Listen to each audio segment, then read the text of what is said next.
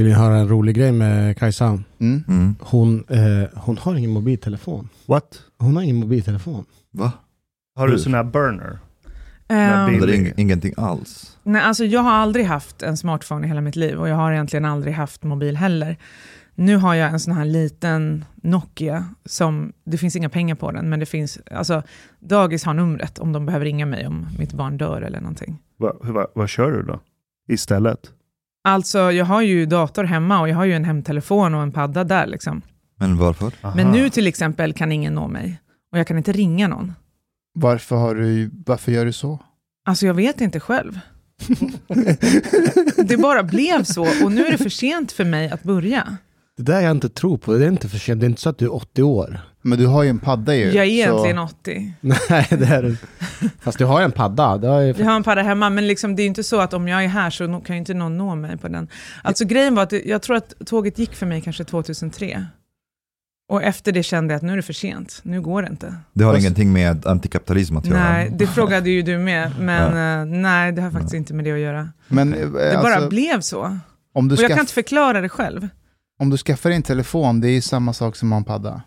Så det är, hur menar du att det är för sent? Alltså, det måste ju finnas folk som är annorlunda också. Och nu har några mystiska krafter valt ut mig för att bli den. Och jag kan inte förklara det själv. Men det är bara så. Är inte det här en del av din envishet och du bara bestämt dig för en sak och sen så är det det som gäller? Så och kan det nog också så, så, vara. bara, så, så kommer du på tusen anledningar varför du skulle ha telefon, men du kommer inte ändra det för att du har bestämt dig. Ja, nå- någonting har bestämt sig. Jag kan inte säga att det är jag, för jag har aldrig fattat ett beslut om så här, jag vill inte ha det här. Alltså jag vet inte ens om jag, jag vill kanske ha det. Jag vet bara att det går inte. Men nu undrar jag om det är, kanske är samma sak ibland med dina åsikter? Att du har svårt för Ehm. att ändra dem, eller? Tycker du att det verkar så? Jag vet inte. Jag undrar. Frågar du liksom just mig eller frågar det. du, eh, frågar du mig av en anledning eller frågar du för att du skulle fråga vem som helst det här? Mm, Nej, jag, jag frågar dig på grund av telefongrejen.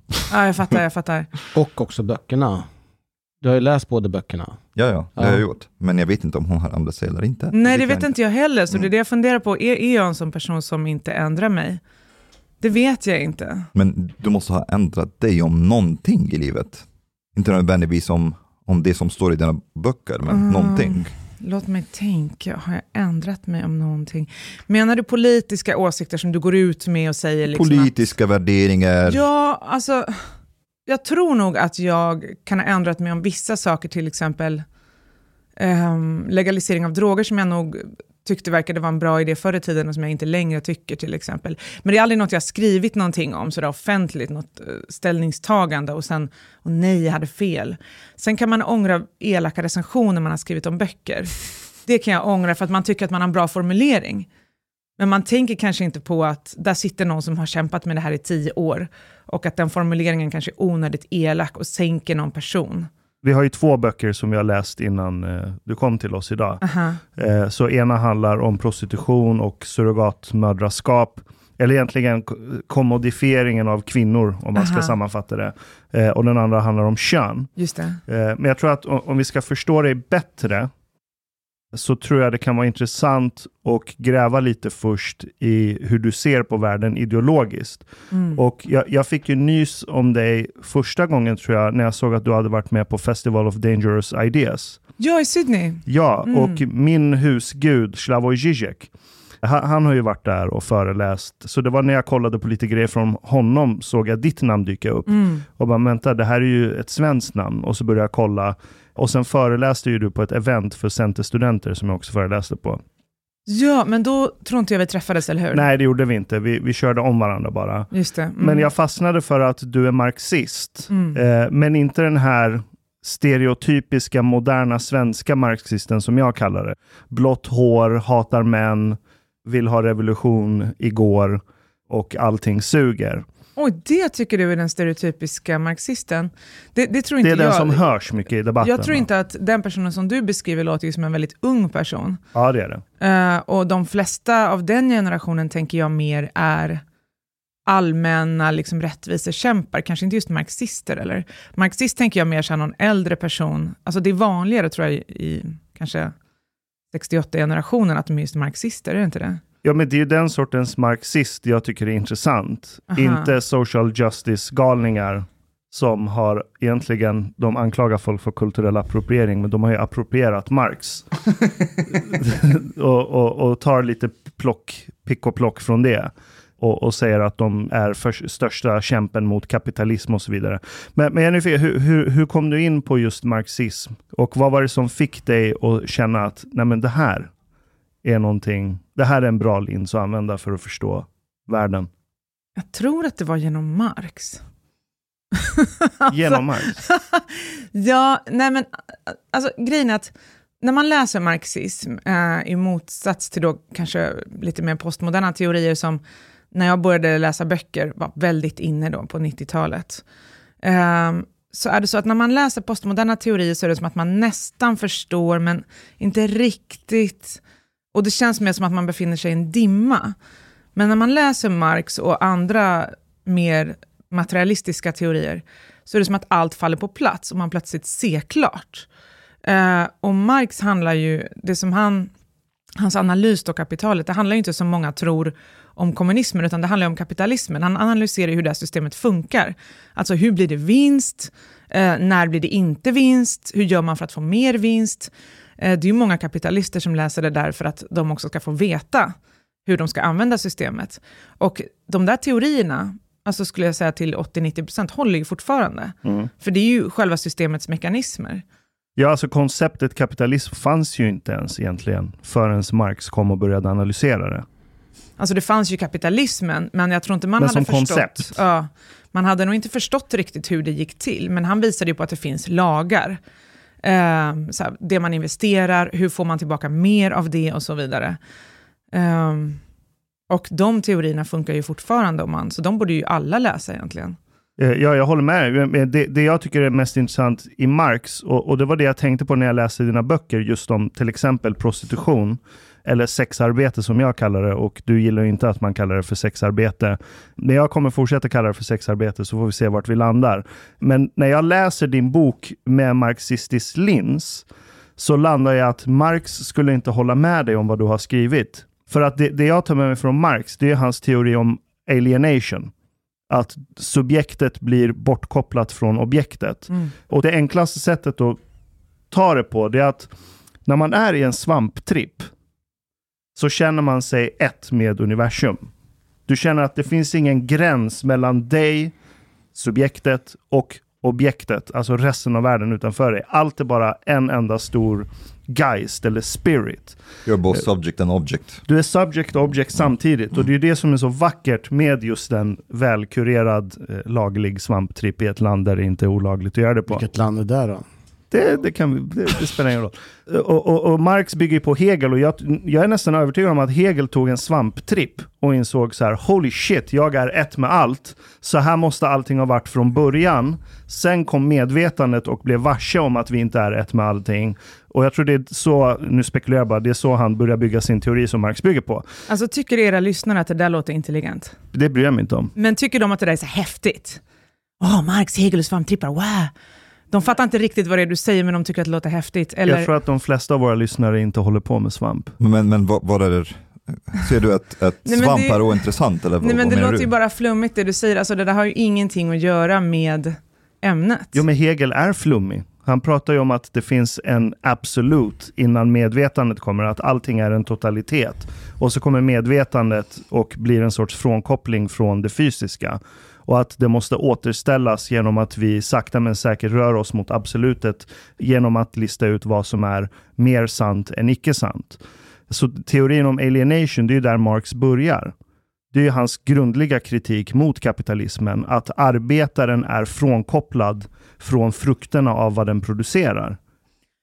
Alltså, grejen är ju så här, när jag skriver i min bok om reifikation, Mm. Eh, det vill säga sakifiering, så handlar ju det om någonting som är väldigt konkret. Och det är ju till skillnad från, eh, till exempel som många då kanske i den moderna kapitalismen kan känna sig igen i, att till exempel när de skriver en jobbansökan, så skriver de att de har en trevlig personlighet till exempel. Ja. Personligheten blir en typ av sak som de säljer. Den tillhör inte längre dem. De är inte fria att ha vilken personlighet de vill. De måste vara hungriga, flexibla, eh, vänligt bemötande och så vidare. När du arbetar på fabrik och säljer eh, din arbetskraft så säljer ju du dina armar och ben och så vidare och du kan uppleva att de inte längre tillhör dig. Alltså när vi pratar om prostitution, då pratar vi om någonting som inte är frukten av en arbetskraft. Vi pratar om din egen kropp, dina egna kroppsdelar. Eh, din vagina, dina bröst och så vidare som någon faktiskt tar på många, många, många gånger om dagen. Och där du till slut kan känna på ett rent konkret fysiskt sätt att du inte längre kan känna din egen kropp. Du har tappat förmågan att njuta. Du har tappat förmågan att ens känna när någon rör på dig. Och det är högst verkligt. Det kallas på psykologiskt språk för dissociation. Och det har ingenting med svamptrippar att göra överhuvudtaget. Nej, men jag säger inte att prostitution har med svamptripp att göra. Jag säger bara att en svamptripp gör det väldigt konkret hur det känns att inte ha en gräns mellan subjekt och objekt. Det är den enda poängen med svampripp. Men kan du ge ett exempel på i så fall ett sorts arbete där du inte känner att din kropp inte tillhör dig? Alltså skillnaden är så här, jag antar att du kanske har njutit av sex någon gång och du känner verkligen att du tycker om det här. Du känner att du på något sätt går upp i den andra människan, att ni båda liksom blir ett på något sätt och att ni båda verkligen tycker det här är jättehärligt. Mm. Alltså i prostitution så är det inte så. I prostitution så har du en person som njuter och tycker det här är jättehärligt och du har en annan person som inte alls vill det här, vars hela kropp motsätter sig den här akten, som ligger och tänker på så här, snart är det över, snart är det över, snart är det över.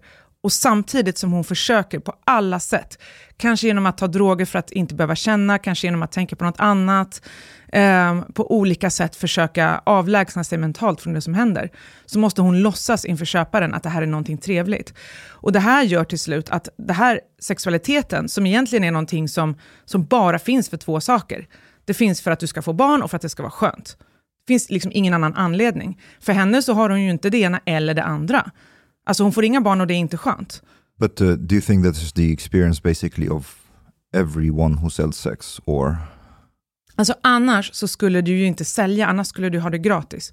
Så att om du vill veta, om du vill veta, like if you wanna know like if a nej, woman... Nej, jag förstår på, på svenska, men hur menar du? Alltså mm. om du vill veta till exempel om en, eh, en, en person vill ha sex med dig eller inte, eh, ta bort pengarna, säg du får inga pengar, vi gör det gratis. Om hon fortfarande vill, då är det ju för att hon vill ha dig. Om hon inte vill göra det, om hon inte får pengar, då är det ju pengarna hon vill ha, inte dig. But that's, that's a strange argument though. I mean like if, if, she, if she sees that as work, of course she wants to sell that. It's not about like just sexual desire. I agree that it's not just about sexual desire, but that does not, that can still be a choice that she makes. Men då pratar vi ju om någonting helt annat mm. än det som de flesta människor upplever sexualitet att vara. Alltså det skill skillnaden mot Eh, om vi säger arbeten är ju att vi pratar om saker som behövs utföras. Eh, jag menar till exempel att städa, det är någonting som måste göras. Det handlar inte om att du, du städar aldrig för att du njuter av att städa. Du städar för att det är en uppgift som måste utföras, annars ser det förjävligt ut. När vi pratar om sex, det är inget man måste göra, det har du för att du tycker det är skönt. Med en annan person som tycker det är skönt.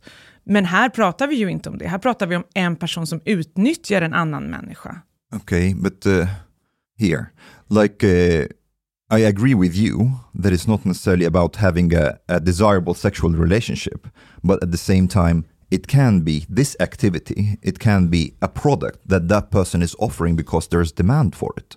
What, like if that person decides that they want to do that, what's the problem? Alltså, massa saker, men vi kan ju börja med, alltså rent bara sådär hypotetiskt, uh, så är det ju så att det är ju inte det sexköparen köper, utan han köper ju själva lögnen av det. Alltså, det är klart att om det enda du vill ha är en orgasm, då kan ju han skaffa en robot som gör det åt honom, eller han kan göra det själv. Vad är det han vill ha i en annan människa? Varför ska en annan människa överhuvudtaget vara där? Hon måste ju lura honom i akten att hon tycker att det är skönt. Alltså, de kvinnor i prostitution som bara ligger där och gör ingenting får ju extremt dåliga betyg. Okay. Ingen vill vara med dem, för köparen vill ju inte heller att hon ska bete sig som att det bara var ett arbete. Han vill ju att hon ska bete sig och låtsas som att hon verkligen tycker om det här. Men det gör hon ju inte. Och om du tänker dig så här, vad får vi i längden då för samhälle? Vad får vi för syn på sexualitet? Om det är så att männen ska njuta och kvinnorna ska inte njuta. Männen ska bara betala och få vad de vill. Kvinnorna, de ska bara vara produkter för män. Alltså vad är det för syn? Då, då tänker man ju på något sätt att det är kört, vi kan aldrig ha någon ömsesidig sexualitet där båda tycker om det här. Utan kvinnorna ska bara vara redskap för att männen ska tillfredsställas. Liksom. Om det är män som säljer sex, är det här en fråga om att kvinnor blir kommodifierade eller är det en fråga om att sex, oavsett vem som erbjuder det, inte får kommodifieras? Nej men alltså, nu pratar vi om samhället som är idag. Vi pratar ju inte om någon hypotetisk värld där så här, alla kvinnor köper sex av män. Alltså hade det varit så hade vi ju kanske Sure. pratat om det, men nu är det ju inte så. Det finns män som säljer sex. Oftast till andra män. Fair enough, men det finns män som säljer sex. Mm. Så är det en fråga om alienering eller att du inte äger din kropp och inte kan njuta av sex men måste ta betalt för det? Eller är det en fråga om just att kvinnor behöver göra det? Jag menar, allting hänger ju ihop. Alltså, det blir ju så därför att om man ska prata teoretiskt så är ju prostitutionen Ehm, en slags skärningspunkt där två dominanssystem kommer samman, till exempel kapitalism och patriarkat. Eh, och man kan inte förklara det utan att förstå både det här.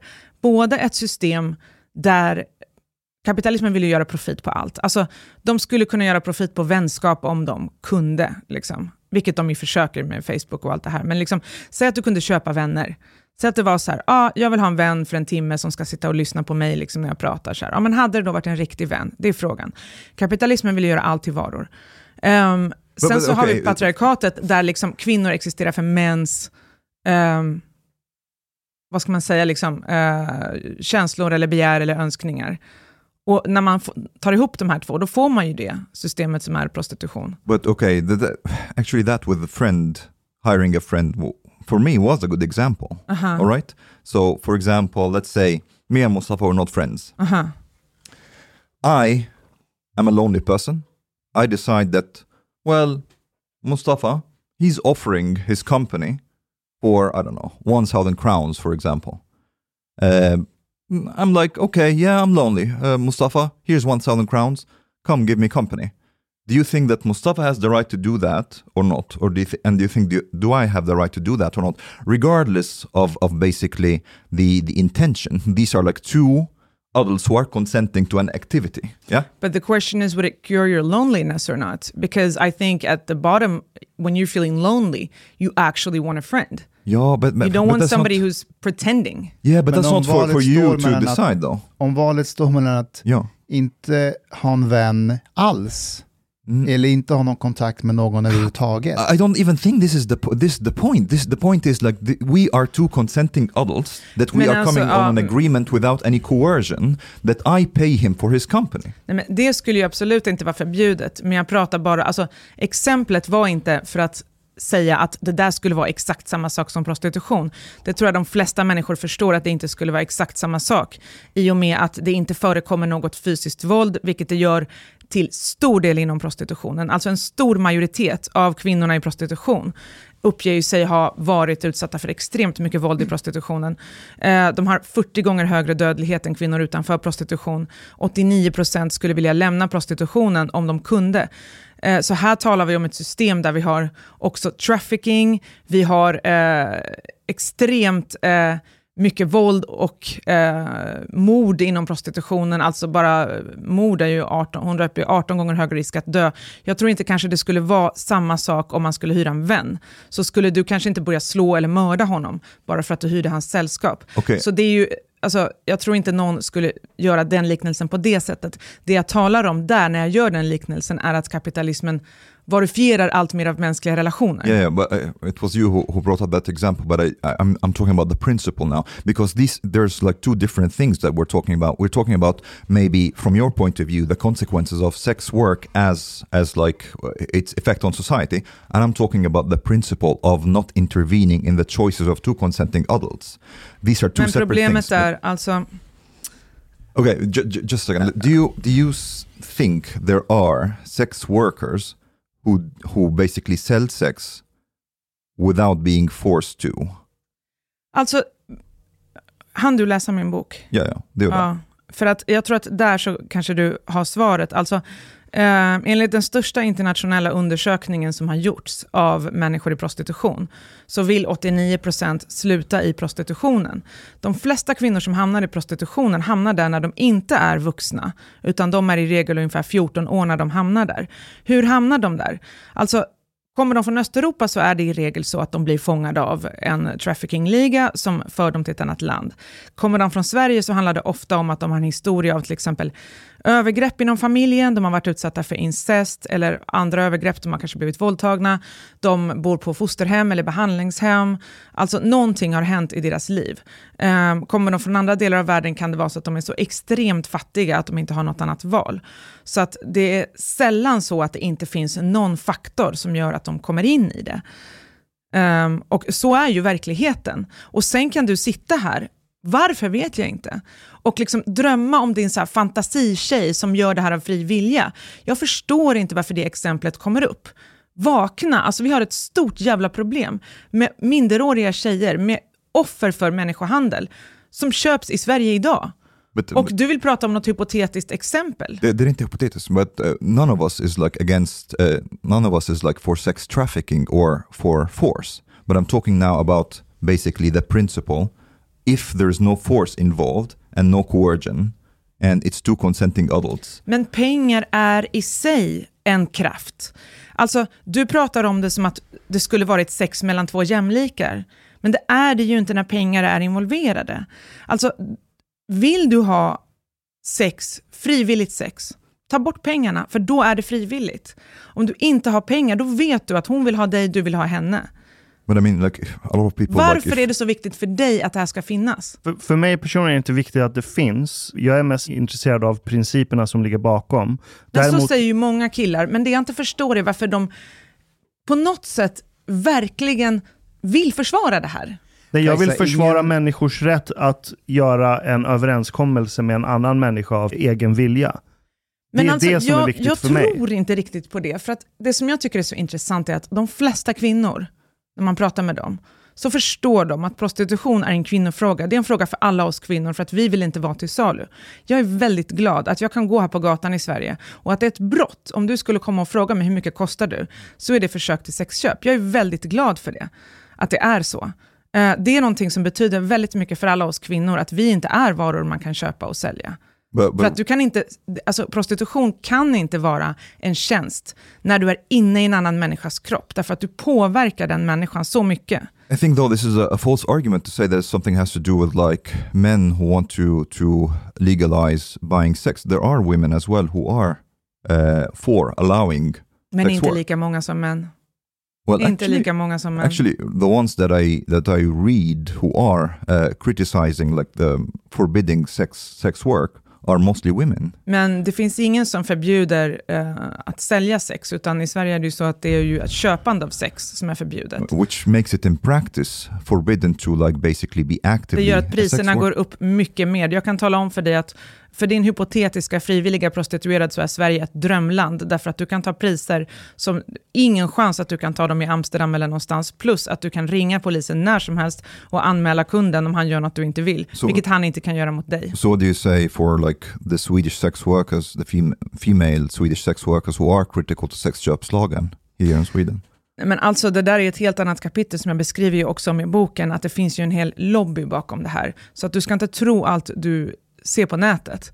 Alltså när jag började skriva den här boken, eh, jag menar jag ägnade fyra år åt det här att åka runt i Europa också och studera de här nätverken. Du tittar på nätet, det är så här, åh vi ska legalisera sexarbete, vi är frivilliga, allt är jättebra i prostitution, finns inga problem.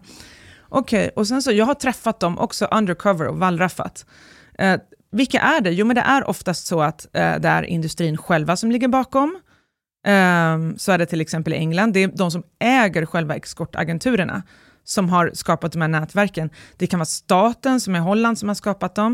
Uh, det kan också vara så att du har, på hemsidan står att vi är tusentals, sen är det tre personer. Uh, som stöds av en massa män och en massa nyliberaler som tycker att det här låter superbra. Som trycker fram dem, därför att vem, vem är det ideala ansiktet för sexindustrin? Är det en torsk som sitter där och runkar? Nej, men det är klart det inte är. Utan då har du istället en, så här, en, en eh, liksom trevlig europeisk kvinna som ser ut att må bra. Det är liksom eh, det ideala ansiktet, så det är klart de trycker fram dem.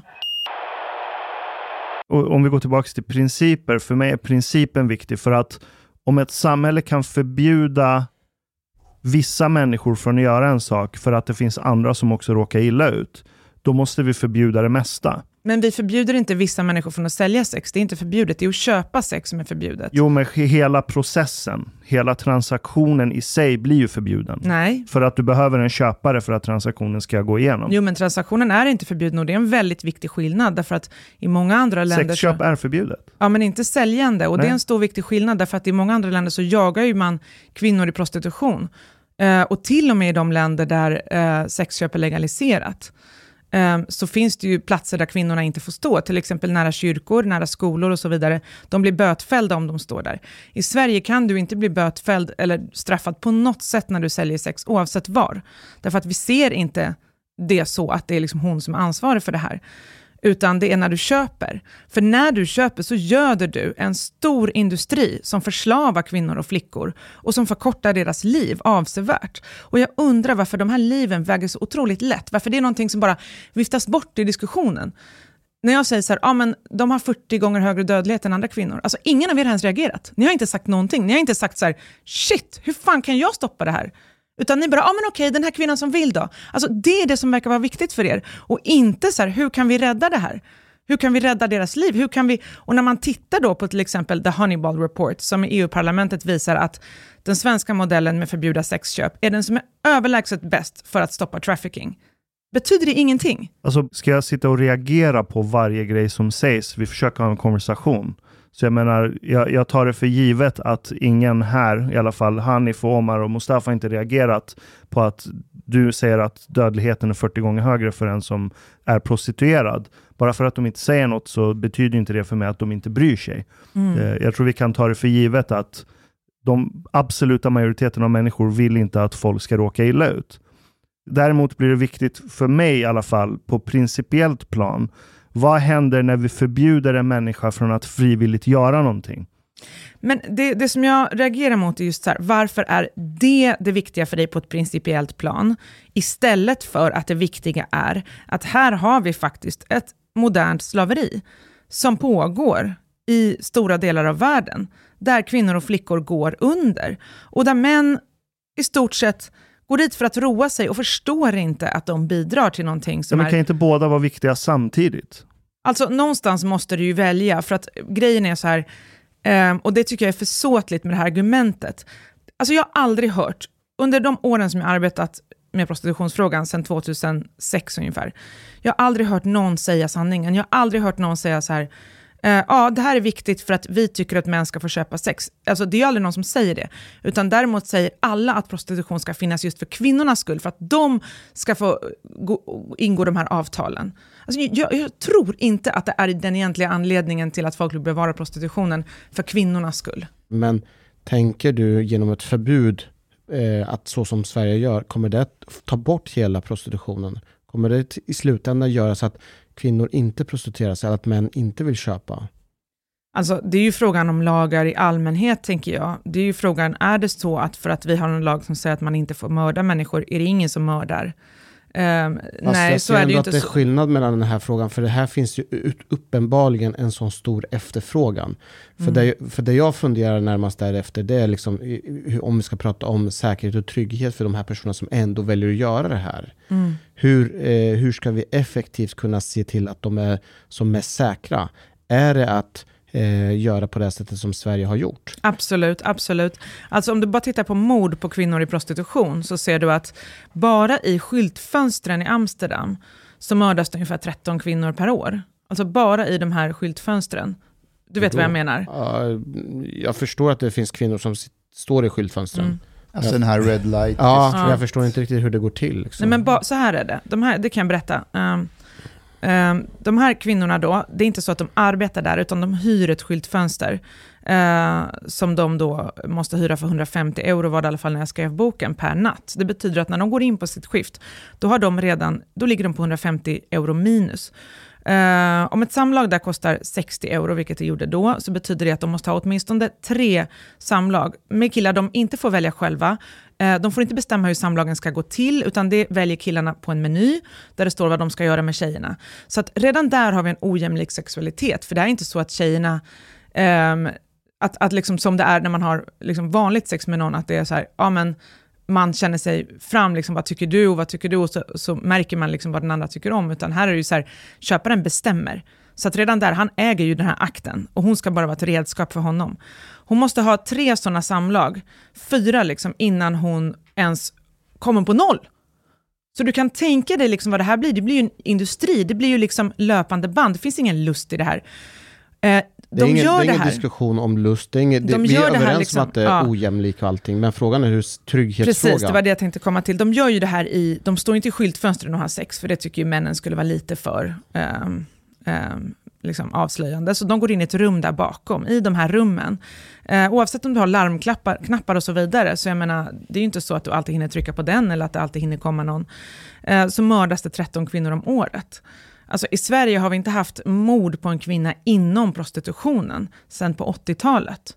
Så bara där kan du se en stor skillnad. I Sverige är det så att en kvinna i prostitution kan ringa till polisen, därför att polisen kommer inte ta henne för någonting. Så är det inte i många länder där det är hon som gör något olagligt. Eh, men sen är det ju så också att din fråga utgår ju från en premiss, som är att de som ändå väljer att göra det här, som att det bara fanns där och det kommer aldrig liksom försvinna. Men det är ju fortfarande så att för det är så jag ser på det, att det är så pass stort efterfrågan och det kommer inte försvinna även med alla medel. Fast det har ju gått ner. Alltså före sexköpslagen så var det ju en av åtta svenska män som köpte sex. Och idag visar studier att det är ungefär en av tolv, en av tretton, beroende på vilka studier du tittar på. Så det har ju gått ner. Jag är bara lite nyfiken, hur, hur tar man fram de där studierna? Men enkäter, alltså du kan ju inte... Ja, vad, ser du för brister, i- enkäter. vad ser du för brister i sådana sorters studier? Då? Ehm, alltså det är klart att någon kan vara orolig för att eh, på något sätt bli registrerad, men de är ju anonyma. Så att förhoppningsvis så säger ju folk Det är sanningen. ett ganska stort förhoppningsvis. För ja, hur ska du få veta då? Det är ju det, och det är det som är min poäng. Vi vet inte. För om det är någonting vi vet, så är det att folk ljuger på enkäter, även om det är anonymt. Men det betyder inte att du aldrig kan använda enkäter som ett underlag. När du gör ett flertal studier och de visar ungefär samma, så kan du ändå tänka att någonstans där ligger det. Men jag har fyra studier från Lund som visar att det är fler män än kvinnor som anger att de säljer sex. Jag vet, jag har skrivit en artikel om de där studierna också. Och eh, jag är lite kritisk mot just dem. Varför det? Ehm, ja, men dels för att, eh, jag vet inte om du pratar om de här skolstudierna där man gör enkäter i Bland annat. Ja. gymnasier och, och skolor och sådär. Um, för det första så tänker jag att ah, där kan det vara så att många bara skriver lite vad som helst, just därför att det handlar om ungdomar. Um, sen så är det också så att jag är inte säker på att de tjejer som du har erfarenhet av att faktiskt sälja sex vågar lämna in det här till läraren, i och med att det är ju de som samlar ihop de här, för att de kanske ser det. Så att jag tror att just de är lite problematiska i och med att man ser, alltså skulle det vara så att det är fler män än kvinnor som säljer sex, då skulle man ju se det på gatan, man skulle ju se det på annonserna på nätet. Och det här avspeglas ingenstans där i verkligheten. De här killarna skulle ju finnas på nätet och på massa annonser, men det gör de ju inte. Ja, men tror du inte då att om man gör en studie som vill visa hur mycket människor som säljer sex råkar illa ut, de som säljer sex som inte råkar illa ut och faktiskt har kontroll över sin situation och frivilligt valt att göra det, tror du inte att de kommer undvika att vara med i de här enkäterna? Varför ska de gå och vara med i de här enkäterna? Men nu pratar vi om, alltså de här enkäterna jag syftar på är ju sexköpare, alltså där man har frågat, men har du köpt sex? Uh, och så frågar man om du har gjort det, var det i Sverige eller utomlands, och så tittar man på då, um, alltså genom åren, hur det går upp och ner. Och där tror jag man kan säga att, jag tror, jag kan inte säga att eh, om det är liksom en av 13 eller en av 12 och så vidare, det där går upp och ner, men jag kan säga att jag tror att sexköpslagen har haft en effekt. Alltså jag är ute och pratar mycket i skolor till exempel och då kan man ju se att många eh, unga killar har den här attityden att, som skiljer sig radikalt från hur det är i Tyskland. Att eh, här säger de så här, men gud köpa sex, det är ju säkert för någon äcklig gubbe som inte kan få någon att gilla honom. Medan i Tyskland skulle unga killar säga att det är någonting macho, det är någonting de gör med sina kompisar, det är liksom en initiationsrit ungefär, du kan förlora oskulden på bordell. Och jag märker inte den attityden när jag föreläser för gymnasieelever här. But Kajsa, det there's also something like I can get the impression a little bit, or, or maybe not, but um, it it's not like all organizations, researchers, and sex workers agree that sex job slogan, for example, is the best way to go. There are sex workers who say that this it makes it more dangerous for them. Expressen has probably you've read this uh, has like made a reportage last year talking to sex workers in Sweden, for example, and they said that this makes it more dangerous for them. They cannot, for example, because the clients have to be anonymous and they can't check the background. It makes it more dangerous for them to be Because they don't know exactly. Men det där är bullshit. Alltså, kolla här. Tror du att en prostituerad i något land som står på gatan kollar bakgrunden på en bil som stannar? Hur fan ska hon göra det? so, but these sex workers are lying, you mean? Or? Nej men alltså det där är en sån här vandringssägen som har gått ända sedan sexköpslagen eh, kom till. Därför att när sexköpslagen kom, mind you, den var så otroligt banbrytande. För vi var det första landet i världen som hade en sån. Så att eh, prostitutionslobbyn bestämde sig för att de var tvungna att motarbeta det här för att den inte skulle sprida sig. Nu har den ju spritt sig. Alltså nu har ju Norge har samma lag, Frankrike har samma lag, eh, Island har samma lag och så vidare. Så att det här kommer ju nu över hela världen. Men då tänkte de, hur ska vi motarbeta sexköpslagen? Och det intressanta är liksom att man alltid har använt så olika argument hela tiden. Um, dels så sa man liksom att åh nej, nu kommer prostitutionen försvinna från gatorna, nu går den in i lägenheterna, uh, det är jättedåligt. Medan man i andra länder har sagt att det är mycket bättre när man, till exempel i Frankrike, uh, när man förbjöd bordeller, då sa de nej, samma lobby sa nej, nu kommer prostitutionen ut på gatorna, där är det farligt och så vidare. Um, man kan ju för det första fråga sig, varför ska ens någonting finnas som är uppenbarligen så pass farligt? Det är första grejen. Den andra grejen är så här, tittar du på prostitutionens verklighet, eh, så ser du att ingenstans, inte när du står i Red Light District i Amsterdam, inte när du står på gatan i Rumänien, någonstans har kvinnan någon möjlighet att bedöma en bakgrund på den som stannar. Så är det inte. Utan det här är någonting som man har hittat på, man har sagt så här, ja ah, men det har blivit farligare nu, um, för att det formulerar motståndet mot sexköpslagen som om att det kom från omsorg om kvinnorna och inte om männens rätt att köpa.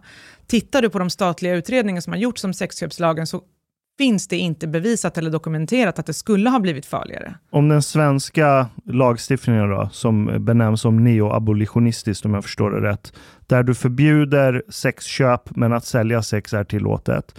Sen eh, början av 90-talet fram till idag så finns det bara en incident där en sexarbetare har blivit dödad eller mördad och det var av en ex-partner eh, när den skulle besöka sin son eller någonting yeah. sånt. Så vi kan väl säga att ingen sexarbetare har mördats i Sverige sedan slutet på 80-tal, början av 90-tal. Inte som det vi känner till i Nej. alla fall. Och det Sen är det möjligt det... att det har hänt och vi känner inte till.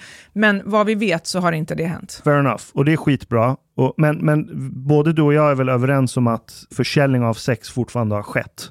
Ja, ja, det är klart. Och det beror ju helt på polisens arbete och hur aktiv man är. Alltså där man har eh, resurser och inriktning på det så ser man ju effekt direkt. Eh, men sen finns det ju städer där polisen inte alls arbetar med det här. Men vad är det som då gör att sexarbetare i Sverige inte dör fastän sexarbete finns? Så det argumentet mm, går inte ihop för mig. Prostitution skulle jag säga. Och, uh, du måste också tänka på att prostitutionsöverlevare tycker att ordet sexarbete är extremt offensivt och förolämpande. Det, det finns människor som säljer sex som tycker motsatsen, att det är väldigt offensivt att bli kallad för prostituerad. Vi, vi hade en svensk sexarbetare som gäst här. Det är klart ni hade. Ja, men det är såklart. när du säger verklighet så... Alltså, Kajsa, jag, så här, jag, jag, på mycket av det du säger så är jag på din sida. Jag jobbar som polis tidigare, Hanif, jag mm. vi är överens. Jag tycker att det är hemskt att det finns. Jag är inte för det, jag tycker att lagstiftningen är bra.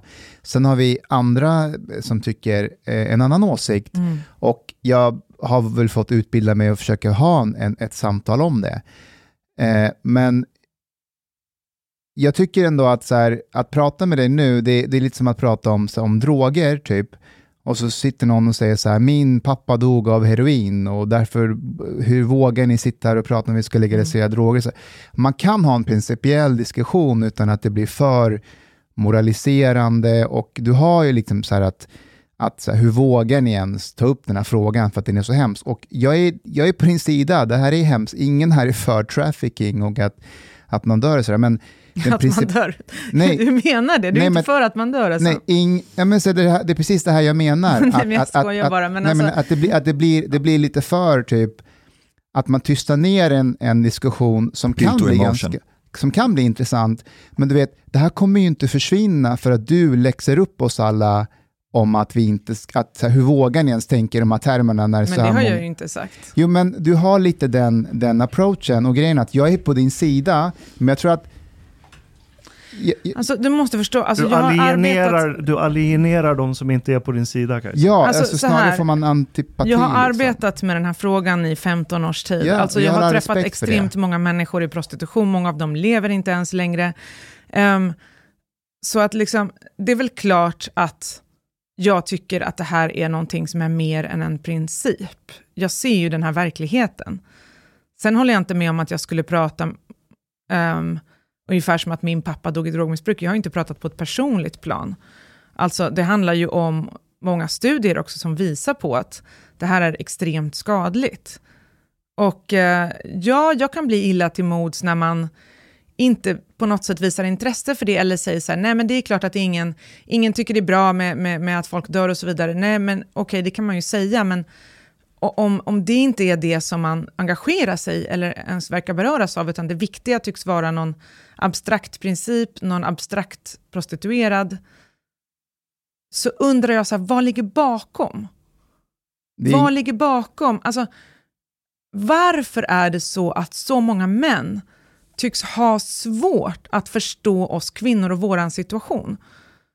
Och liksom pratar om principer istället för att tänka så här, hur känns det att vara kvinna? Hur känns det liksom att, att befinna sig i en, en värld där det är vi som blir sålda? Kajsa, jag kan svara på den här frågan. Jag tror att det är så här, de här frågorna, så som, de frågorna som du tar upp, det är någonting som vi upplever att det tas upp om och om igen i den allmänna debatten. Nu vill vi prata om, bortom de här vanliga frågorna och gå in på skruv och mutter. Och när det gäller prostitution, precis som dig, jag är tillsammans med Mustafa, vi, vi har olika åsikter om den här frågan. Men det går ju, det går ju att penetrera och vrida och vända på den här diskussionen och eh, just prostitutionen, vad det får för konsekvens för, för olika aktörer. Det måste vi kunna ha utan att det ska bli, behöva bli så här känslomässigt. Så att man blir Alltså liksom, jag, är på en, jag, jag har jagat torskar som polis. Det är skitäckligt. Jag, jag, vill, jag är på din sida här. Det jag säger är bara att du kan förmedla all den kunskap du har utan att kanske ha den approachen som du... How alltså- dare you? Ja, men precis, nästan som att du... Jag, menar, jag, menar, jag och Hanif har gripit torskar och jobbat mot den frågan, men... det att hindrar du, inte att vi inte kan ha diskussioner. ja, men det är nästan som att du Men jag har... sitter ju här och har en diskussion nu. Ja, absolut, men, men det här är så här, det är klart ni har haft en prostituerad i er podd. Är det, inte, är det inte ni som är lite känsliga nu grabbar? Nej, nej, jag bara... Jo, det kanske är det kanske vi är också, jag kan känna mig. Ni lite... Ja, två har har- inte ens sagt har- någonting. vi Det har är ju en de jag diskussion. argumenterar med. Men jag kan säga Ja. vad Ni har ju varit tysta under en Ja, men halvtimme. jag, för att jag lyssnar på dig, jag Ja. tycker det är jätteintressant det du Jag säger. kan säga vad som ligger bakom min issue med den här issuen. Så här. Jag har aldrig köpt sex, jag kommer aldrig köpa sex. Jag har en dotter, jag hoppas med allt jag kan att hon aldrig någonsin ger sig in i den här branschen. För att jag personligen tycker det är äckligt. Jag tycker inte om det. Bara tanken att jag ska gå och betala för att få använda en kvinnas kropp, det äcklar mig nu. Alltså jag ryser nu av att den säger det. Det, Mm. det är bland de äckligaste tankarna som finns i mitt huvud. Och det äcklar mig minst lika mycket att det finns människor som kanske kommer fram till att fan, jag behöver tjäna pengar och det enda sättet jag kan tjäna pengar i en rimlig tid för att klara mig ur den ekonomiska situation jag är i är att gå och ligga med folk jag inte vill ligga med för pengar. Det äcklar skiten ur mig. Men- Samtidigt som jag har de känslorna och tankarna så äcklas jag också på ett annat plan, inte på samma plan, jag relativiserar inte här. Eh, tanken av att staten med sitt våldsmonopol ska komma och säga till enstaka individer vad de får och inte får göra. Den frågan är också väldigt viktig för mig. För att om den frågan dras ut till sin spets så kan ett samhälle bli väldigt, väldigt dåligt och farligt att leva i. Men Så- då måste du vara emot lagar överhuvudtaget. För det, så är ju, det är ju med alla lagar att staten säger till enskilda individer. Absolut, och det är ju en kompromiss. All, så här, statsmakten är ju alltid en kompromiss mellan frihet och ofrihet. Men är du emot, alltså är du liksom libertarian, är du emot alla lagar? But, but, but nej, why, why would one be against all laws? I mean, like we we would be against like the state telling us what to do, for example, with our bodies, uh, and what to do that does not hurt other people. Um, this is just... Precis, men i och med att staten har ju bestämt här att prostitution skadar ju andra människor. Jag menar... But you have like a very collectivist like view of that. I mean, like if we're talking about individuals now. Men det skadar ju individer. Alltså, jag menar, om, om du tänker på det så är ju prostitution Ehm, en form av, som jag ser på det, en form av ofrivilligt sex från den ena parten per definition, om vi nu pratar om principer, just därför att du har pengar. För att det hon vill ha är ju inte sexet, hon vill ha pengarna.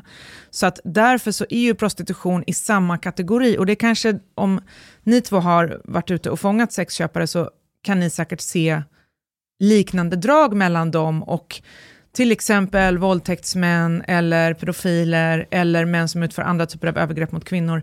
Därför att det är ofta liknande psykologi bakom det. Och den psykologin går ut på att jag, jag får göra vad jag vill för att jag bestämmer här och den personen ska inte komma och säga någonting för att det är jag som bestämmer. Och där har vi ett stort problem. Liksom, och det, och det, funkar inte att bara liksom legalisera en typ av övergrepp och sen så de andra ska vara olagliga, för du har ju kvar problemet. Och problemet är ju så att den här personen som köper sex um, ser ju inte på sexualitet som någonting ömsesidigt, utan som någonting som bara han ska få ut något av. Okej, två saker. Och om alla som säljer sex, om exakt alla 100% hur vi än hade kunnat mäta det, hade sagt att det är så, att eh, det här är som en våldtäkt mot mig, jag hatar det här, jag vill inte göra det här egentligen. Om exakt alla i hela världen, eller i Sverige om vi behåller oss i Sverige, hade haft den hållningen, då hade det varit så här, okej, okay, det här är helt fucking obvious. Då klart det ska Men totalförbjudas. Men det kommer liksom inte hända därför att, alltså, jag har ju känt många människor i prostitution, både under tiden de har varit i prostitution och efter. Och det är faktiskt lite samma sak som när du befinner dig till exempel i ett misshandelsförhållande eller i någonting som är dåligt för dig och sen kommer du ut ur det. Mm. Därför att ingen människa, jag tror att människan är så, man orkar inte göra någonting dag ut och dag in samtidigt som du går runt och säger att det här är fruktansvärt. Så du måste ju övertala dig själv någonting. Alltså, och sen när du kommer ut, då kan du börja så hantera och bearbeta det du har varit med om. Men när du är där i så kommer du alltid använda argument för att säga men det här är lugnt, jag klarar det, det jag är jättestark. Jag, och liksom, jag, jag kan berätta om en, en tjej som jag kände till exempel. Jag träffade henne i Barcelona ungefär 2005. Hon var den här tjejen som ni pratar om, så väldigt, eh, ja, hon hade rätt mycket pengar, jättefin bil, eh, såg väldigt bra ut, eh, tog massor av betalt för samlag. Hon hade två olika sidor, en med rakt hår och en med lockigt hår. Och den ena, kommer inte ihåg vilken, tog mer betalt än den andra av någon anledning. Och eh, hon, var så här, hon, hon, var liksom stenhård i sitt psyke. Sen hände det att hon eh, blev tillsammans faktiskt med en köpare och eh, lämnade prostitutionen. Eh, han var från Frankrike, de flyttade till Frankrike och jag var där på Rivieran och hälsade på dem. Han hade värsta båten, vi åkte ut med lyxjakten. Och bara det helvete hon hade, hon var så otroligt orolig att det här skulle komma ut, att hon hade varit i prostitution framför hans vänner. Så hon sa till mig, du får absolut inte använda det där namnet som jag använde då, du måste använda det här namnet, prata aldrig om hur vi lärde känna varandra. Så fort han blev arg på henne så glömde han aldrig bort att påminna henne om att hon hade varit i prostitution. Hon kunde komma tillbaka dit om eh, det inte passade att vara, göra som han ville och så vidare. Alltså det var skitjobbigt för henne. Och liksom, jag tror att när man pratar om principer så tänker man inte alltid på människan. Man tänker inte alltid på att så här, vi lever i ett samhälle där, visst, du kan vara för prostitution, men sen skulle du kunna komma till dina föräldrar och ta med dig din nya tjej och säga, vad jobbar du med? Ja, jag är sexarbetare. Hur många skulle kunna göra det? Och hur är det för de här tjejerna sen när de lever i livet och de har ett gap på liksom tio år de inte kan skriva på sitt CV? Och det säger enormt många grejer. Och det försvinner inte för att man legaliserar prostitutionen, tvärtom. Alltså så är det ju i alla länder, så är det ju i Tyskland fortfarande också. Så att man betalar ett otroligt högt pris, både med kropp och själ, för att vara i det här. Jag, jag köper den aspekten och jag hade varit villig att köpa det hela vägen.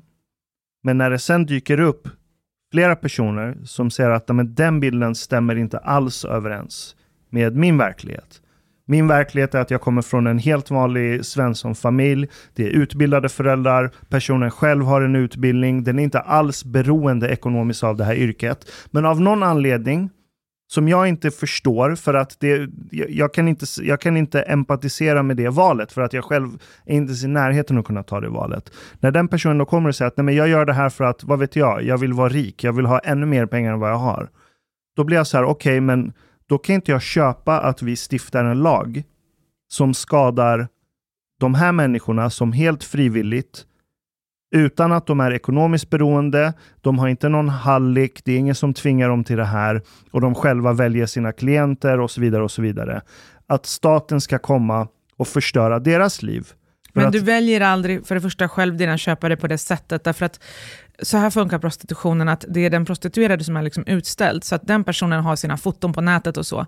Det är inte så att liksom köparen sen skickar tusen bilder, oftast i alla fall, och liksom, så här ser min kropp ut, vill du ha mig? Alltså det är ju inte en jämlik sexualitet på det sättet, utan ibland är det ju till och med så att han betalar innan han kommer dit. Så när han kommer och hon tittar på honom, hon är ju en människa som alla andra, hon kan känna så här, gud vad ful han är, öh, han luktar äckligt, så jag vill inte vara med honom. Då har hon ju inget val, hon måste göra det ändå.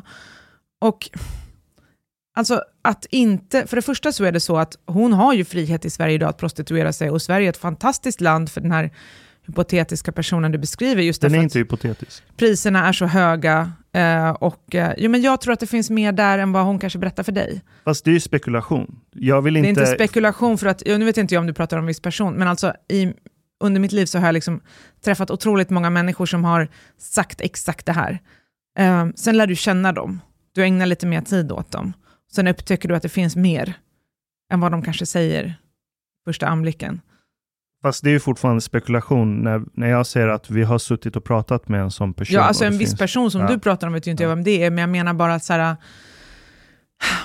det är rätt komplext alltså att berätta om liksom, trauman och sånt för andra. Alltså, det är inte så att alla människor skulle komma och säga så här, jo men jag blev våldtagen när jag var fem och det är på grund av det som jag nu är det här. Alltså, det krävs rätt många år av terapi för att kunna komma fram till det. Liksom. Jag förstår det, men om, om jag utgår ifrån att alla människor jag pratar med inte själva eh, har valt någonting som jag inte tycker om, bara för att det måste finnas något som ligger där i bakgrunden som ni inte vågar berätta. Och så ska vi stifta lagar utifrån det. Eh, Men då kan- Ashkan, det här som du pratar om, hur representativt är de? Jag tänker om det är, om det är 10 procent och 90 10% som vad? Som... representativt och de här personerna som inte har någon trauma, som väljer det här frivilligt. Allt här. Jag undrar, de här fåtalen måste man ju ändå... But, but, but, Nej, men jag, håller, bara säga, jag håller med om att säkert är det inte representativt. Eh, det kanske är väldigt, väldigt få andel. Jag tror att clashen här sker i att jag tror att Kajsa menar att det inte finns ett, en, en enda individ som har gjort det valet och att den individen inte har varit med om någonting, utan varje individ, även om det är en av miljoner, så har den förmodligen varit med om någonting i livet som gjort att hon är där hon är och efter ett tag kommer hon säga så här, herregud, vad har jag gjort? Nej, så menar jag inte. So you, you, you're saying that there are individuals who don't have a problematic background and sell sex free willingly? Nej men alltså, för det första för mig så är prostitution per definition inte frivillig eftersom det finns pengar med. Men det gäller ju allt arbete. Ja. Och därför menar jag att prostitution inte är ett arbete. What? Jag hänger inte med. Kan du... Kan du Men, eh, det var ju det jag sa från början. Ingen okay. verkar lyssna på mig. Nej, jag bara jag pratar och pratar. Det känns som att det bara så går in i ett öra och ut i ett annat och sen bara kommer samma motargument. Jag bara, jag har ju redan sagt det här. Okej, vänta. För att det är pengar involverat så är det inte Precis, frivilligt. så är det inte frivilligt. Därför att så här, alltså sexualitet som jag sa från början, vad är meningen med sexualitet? Meningen med sexualitet är antingen att du ska få barn eller att det ska vara skönt. Det finns liksom ingen... Enligt dig. Kom igen, Nej, enligt vi de Men måste... vadå? Okej, här. Jag måste utgå Men alltså, till det finns exempel, vad, människor... vad, är poängen? Okej, vad är poängen med att städa om vi ser det objektivt, att det ska bli rent? Poängen med städa är inte att det ska vara skönt att städa, Jag eller tycker hur? det är skönt att städa. Fråga Jo, men det är en kompisar. bieffekt, men det är kanske inte därför städning finns. Vi har inte städning av tunnelbanor för att de som städar ska tycka att det är skönt till exempel, utan det är ju för att de måste städas. Alltså, Ja, men sälj, kränga fe- fettiga diabetesframkallande hamburgare, det är inget som behöver göras. alltså det är ju mat, sen kan du diskutera vad är hälsosam mat, men det är ju mat. Det är ju inte hälsosam som... mat, det är gift. Ja, så kan och jag man har se stått det, men... och sålt det Mm. och låtsats brinna för Max Hamburgare AB Mm. när jag serverat en fettig, flottig skitburgare. Det, jag, jag kan ju argumentera för att det är inget som behövs. But, but Kajsa, are you saying that because like if that specific that woman is not into the sex with that guy, that means that the act in itself, det finns ingen fri vilja då? Ja, Well, this is where we disagree because I think what is free will is that she would make basically she would consent to doing that without force or coercion. So men alltså att, att samtycka ja, eh, för att man får pengar, ja. det är ju en slags muta. Alltså om du frågar en kvinna så här, skulle du vilja ligga med mig? Och så säger hon så här, nej. Och så säger du, men kom igen, jag ger dig 100 spänn. Så säger hon så här, nej. Okej, men om jag ger dig 1 och 5? Okej då. Alltså det är ju vad prostitution är. Det utgår ju från en ojämlikhet i lust. En vill och en vill inte. Och det är just där prostitutionen tar sin början, därför att hon skulle aldrig göra det om det inte vore för att du mutade henne. For the mass major majority of, of sex workers, I agree with you. I, can, I Nej, can men för alla, därför att eh, om du tar bort pengarna så är det ju inte längre prostitution. Då är det ju bara frivilligt sex. Min fråga börjar ju där. Alltså, för mig och för de flesta kvinnor, så skulle det vara helt otänkbart att muta en kille för att ligga med oss. Alltså om jag sa till en kille så här, eh, typ, är du intresserad av mig? Så sa han nej. Alltså, men kom igen, om du tar tusen spänn, alltså jag skulle ju skämmas ihjäl. Jag skulle känna så här, men gud, han gillar ju inte mig. Han gör ju bara det här för att han får pengar. But you're han tycker inte projecting det här your är skönt. personality on everyone else. This is, this is not for you to decide. Still. Nej men vänta, Jag alltså, det är inte det jag med om, försöker inte säga. så, men jag har varit med om, om inte du har sex med mig så kommer jag ha sex med någon annan. Ja. Det har jag varit med om. Ja. But, but Och I vad mean, kände this, du då, This då? is, this is implied, this is implied for everybody. Ja, då kände jag själv att fan, jag ville ju liksom, att då får jag ställa upp. Ja. Jag kände mig som en prostituerad där. but, but, but uh, Men det var någon du kände eller? Ja, ja, det var en, det var en nära. En flickvän kanske? Ja, det, inte flickvän, men det var... Jag förstår. Och du vill inte att hon skulle vara med någon annan? Nej, Men, exakt. men kolla, här, här, här kommer den så här, ko- kollektivistiska underpinningen in. För jag skulle hålla med dig om det fanns ingen kvinna någonsin som hade köpt sex, men det finns kvinnor som köper sex också. Så det kan ju inte, om vi bryter ner problemet i dess beståndsdelar, så kan ju i slutändan inte landa i att det bara handlar om män som Nej, vill nej, äga det finns kvinnor. ju alltid undantag som bekräftar regeln, men eh, tittar man på liksom statistiken så är det ju Alltså, andelen kvinnliga sexköpare går ju inte ens upp till 1%. Det är ju 0,0 någonting, så det är ju så få. Så vi kan ju ändå, man måste ju kunna generalisera i debatter för att komma någon vart. Man kan inte säga att undantaget kullkastar regeln och därför så kan man inte prata om någon regel, utan det är ju ändå så att majoriteten av köparna är ju män, till och med de män som säljer sex säljer ju till andra män. Så att någonstans där har vi ju problemet, alltså att köparen för honom är det inte ett problem att ligga med någon som egentligen tycker att han är skitäcklig. Bara han får ut det han vill. Och där är ju problemet, så här, hur kan inte hennes olust vara avtändande på honom? För det är ju det, alltså, där skulle jag säga att grundproblemet, som är liksom allting emanerar från, både prostitution, våldtäkt och alla de här övergreppen, kommer ju från att en person inte kan se att den andras olust um, lägger sordi på hans egen lust. Alltså om jag liksom skulle sitta bredvid en kille på en fest och känna så här, åh vad jag vill ha honom, och sen så gjorde han liksom bara en min, typ så här, mot mig. Jag skulle ju tappa lusten totalt. Jag skulle känna så här, men gud, han tycker att jag är hemsk. Jag skulle verkligen inte känna för att fortsätta. Mm. Jag, jag köper det. Jag är exakt likadan. Alltså bara tanken av att ha sex med någon som inte tänder på mig. Det, det, det är äckligt för mig. Det finns inte i min värld. Men vem är jag att säga att alla andra människor också har den bilden och vyn och känsloapparaturen kring en sexuell akt? Or För då måste jag på-. Ja, för då måste jag ju påtvinga min sexualitet och min moral på Mm. andra människor. Och när jag ska lagstifta min sexualitet och min moral på andra människor, det är då jag börjar se faran i det. Mm. Nej men alltså, det är ju inte att påtvinga, men däremot så, alltså vi har ju en, ändå, tror jag, förhoppning om att, ja i alla fall Sverige har ju det om att vi ska bli ett jämlikt samhälle och att man ser att jämlikhet är inte kompatibelt med en prostitution, därför att så länge du har ett system som sen autogenererar sig själv därför att det drivs av profit, där man försöker skapa efterfrågan för sex som i grunden är ofrivilligt, så kommer man kultivera en typ av sexualitet hos män som går ut på att hennes lust spelar ingen roll. Medan jag tycker att vi borde kämpa alltså, till ett samhälle där män borde kanske vara lite mer uppmärksamma på kvinnors lust, istället för att lära sig att man kan ignorera den bara man lägger fram några hundralappar.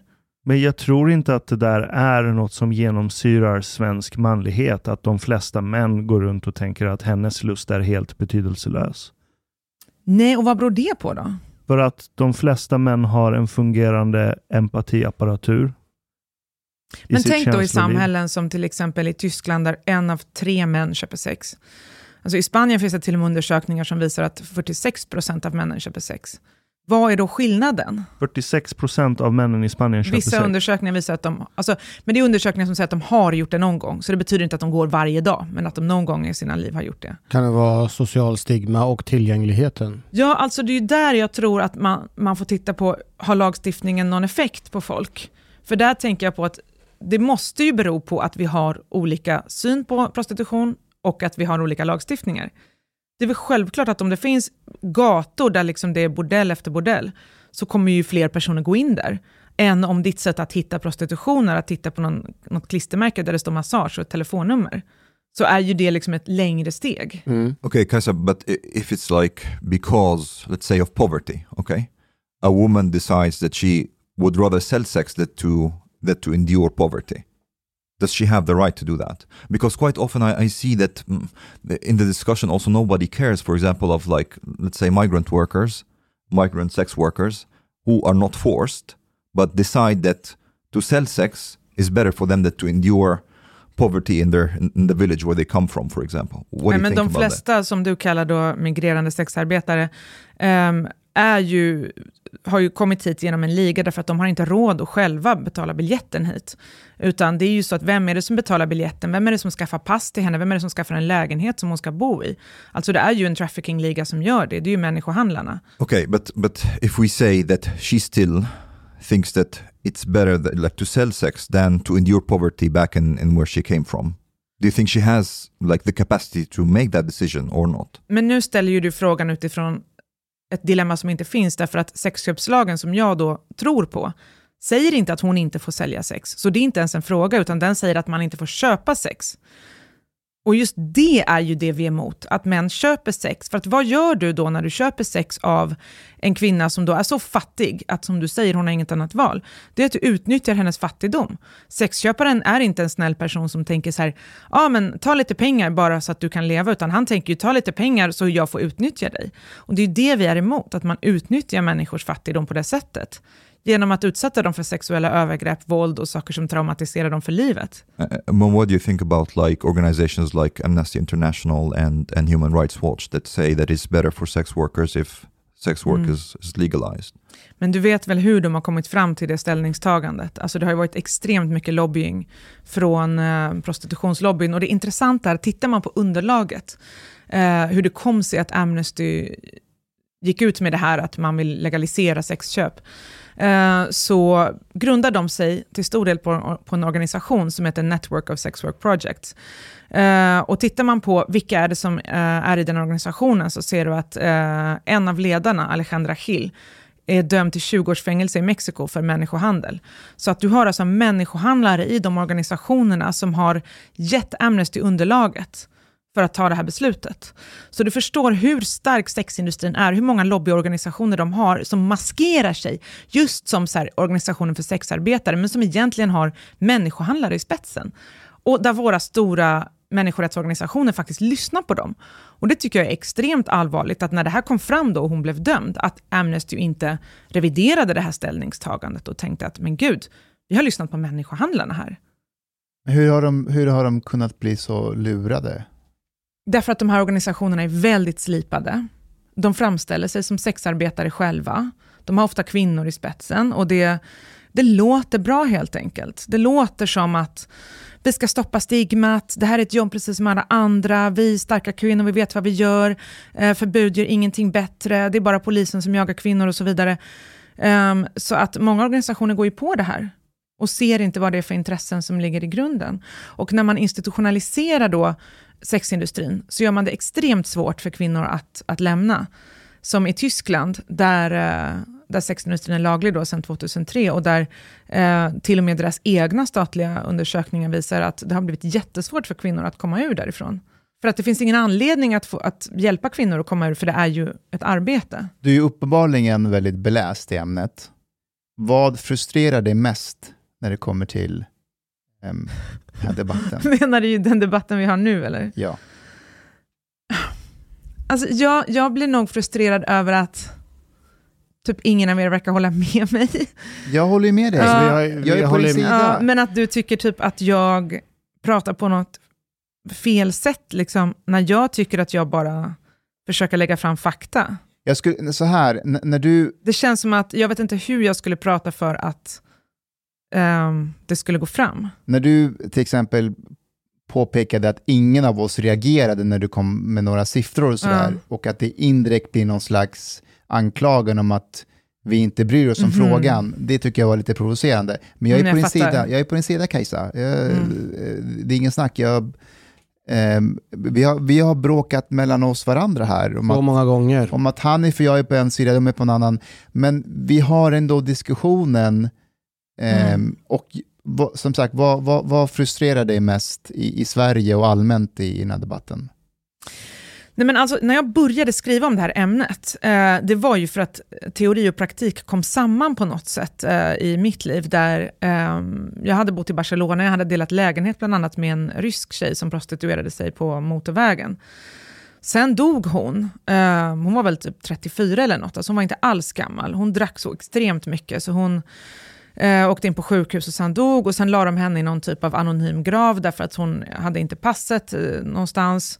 Och eh, hon liksom bara försvann och det var ingen som på något sätt brydde sig om det här. Och på motorvägen stannar ju män för de andra tjejerna som står där och det är ingen som sörjer henne eller bryr sig. Och samtidigt så pågick debatten i Sverige om att sexköpslagen var jättedålig och moralistisk och eh, prostituerade var starka kvinnor som visste vad de ville. Och jag, jag bara kände så här, men ingen bryr sig ju på riktigt. Alltså, det är bara massa babbel om tankar. Eh, och alla säger sig vara så engagerade i kvinnornas väl och ve, men, men sen är ingen det egentligen.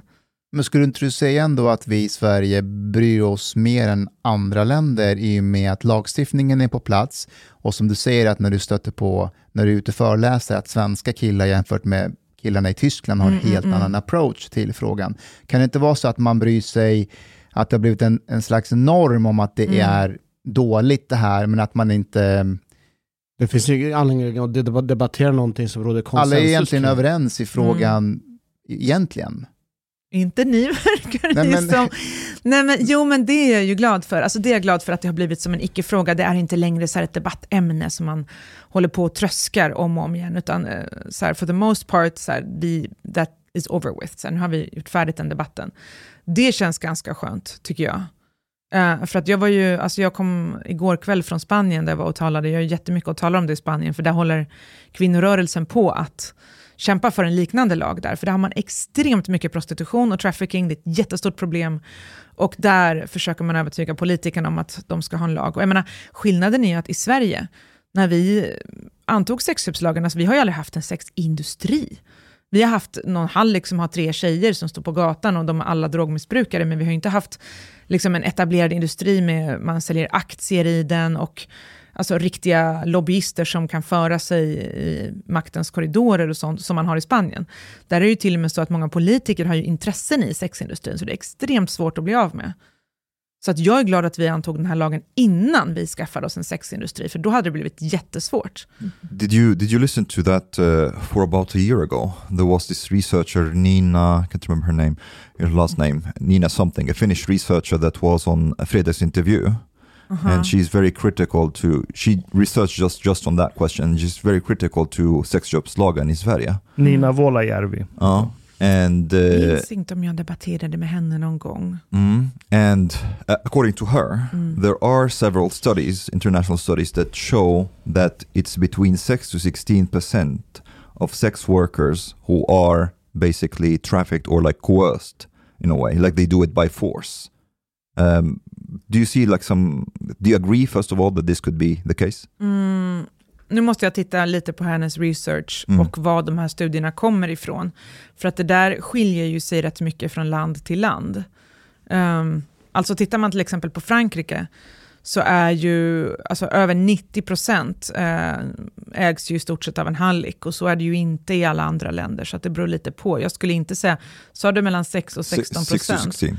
Nej, det skulle jag inte säga stämmer, utan eh, det är oftast i de flesta länder betydligt fler. Som är offer för människohandel på något sätt. Sen är det ju någonting som många inte vet och det är ju att människohandel är ju inte bara från utlandet. Alltså det pågår ju människohandel i Sverige. Eh, jag till exempel hade kontakt med en tjej som flydde till Stockholm från Göteborg, därför att hon hade en människohandlare i Göteborg. Han sålde henne på strippklubb när hon var 12 år. Alltså det fanns sådana här klubbar, underjordiska klubbar för pedofiler i stort sett. Eh, där de får tag i tjejer som är på rymmen eller som har det jobbigt på olika sätt. De hamnar på de här klubbarna och eh, den här hallicken vill inte släppa henne, så hon rymde till Stockholm och sa hjälp, jag behöver komma in på något skyddat boende. Och det är också en form av människohandel, när de säljs och köps mellan olika ställen. Du nämnde också men, eh, en gemensam bekant, Paulina Just det. Mm. Bengtsson. Ja. Ja. Vill du berätta om hennes case också? ja, alltså hennes bok borde ni verkligen läsa. Den heter ju Utnyttjad, våldtagen och såld. Och den handlar om hur hon var en av de första att nätdejta i Sverige på Spraydate. Och eh, så gick hon in där och eh, träffade någon kille som verkade jättetrevlig och som pratade i telefon med typ i några månader. Sen skulle de träffas och på första dejten så kör han henne ut på landet till ett hus där det väntar en snubbe och han säljer då henne till den här snubben. Hon är helt ensam i det här huset med två män, så hon vågar liksom inte säga någonting. Eh, och sen så släpper han inte henne ur sikte i flera månader.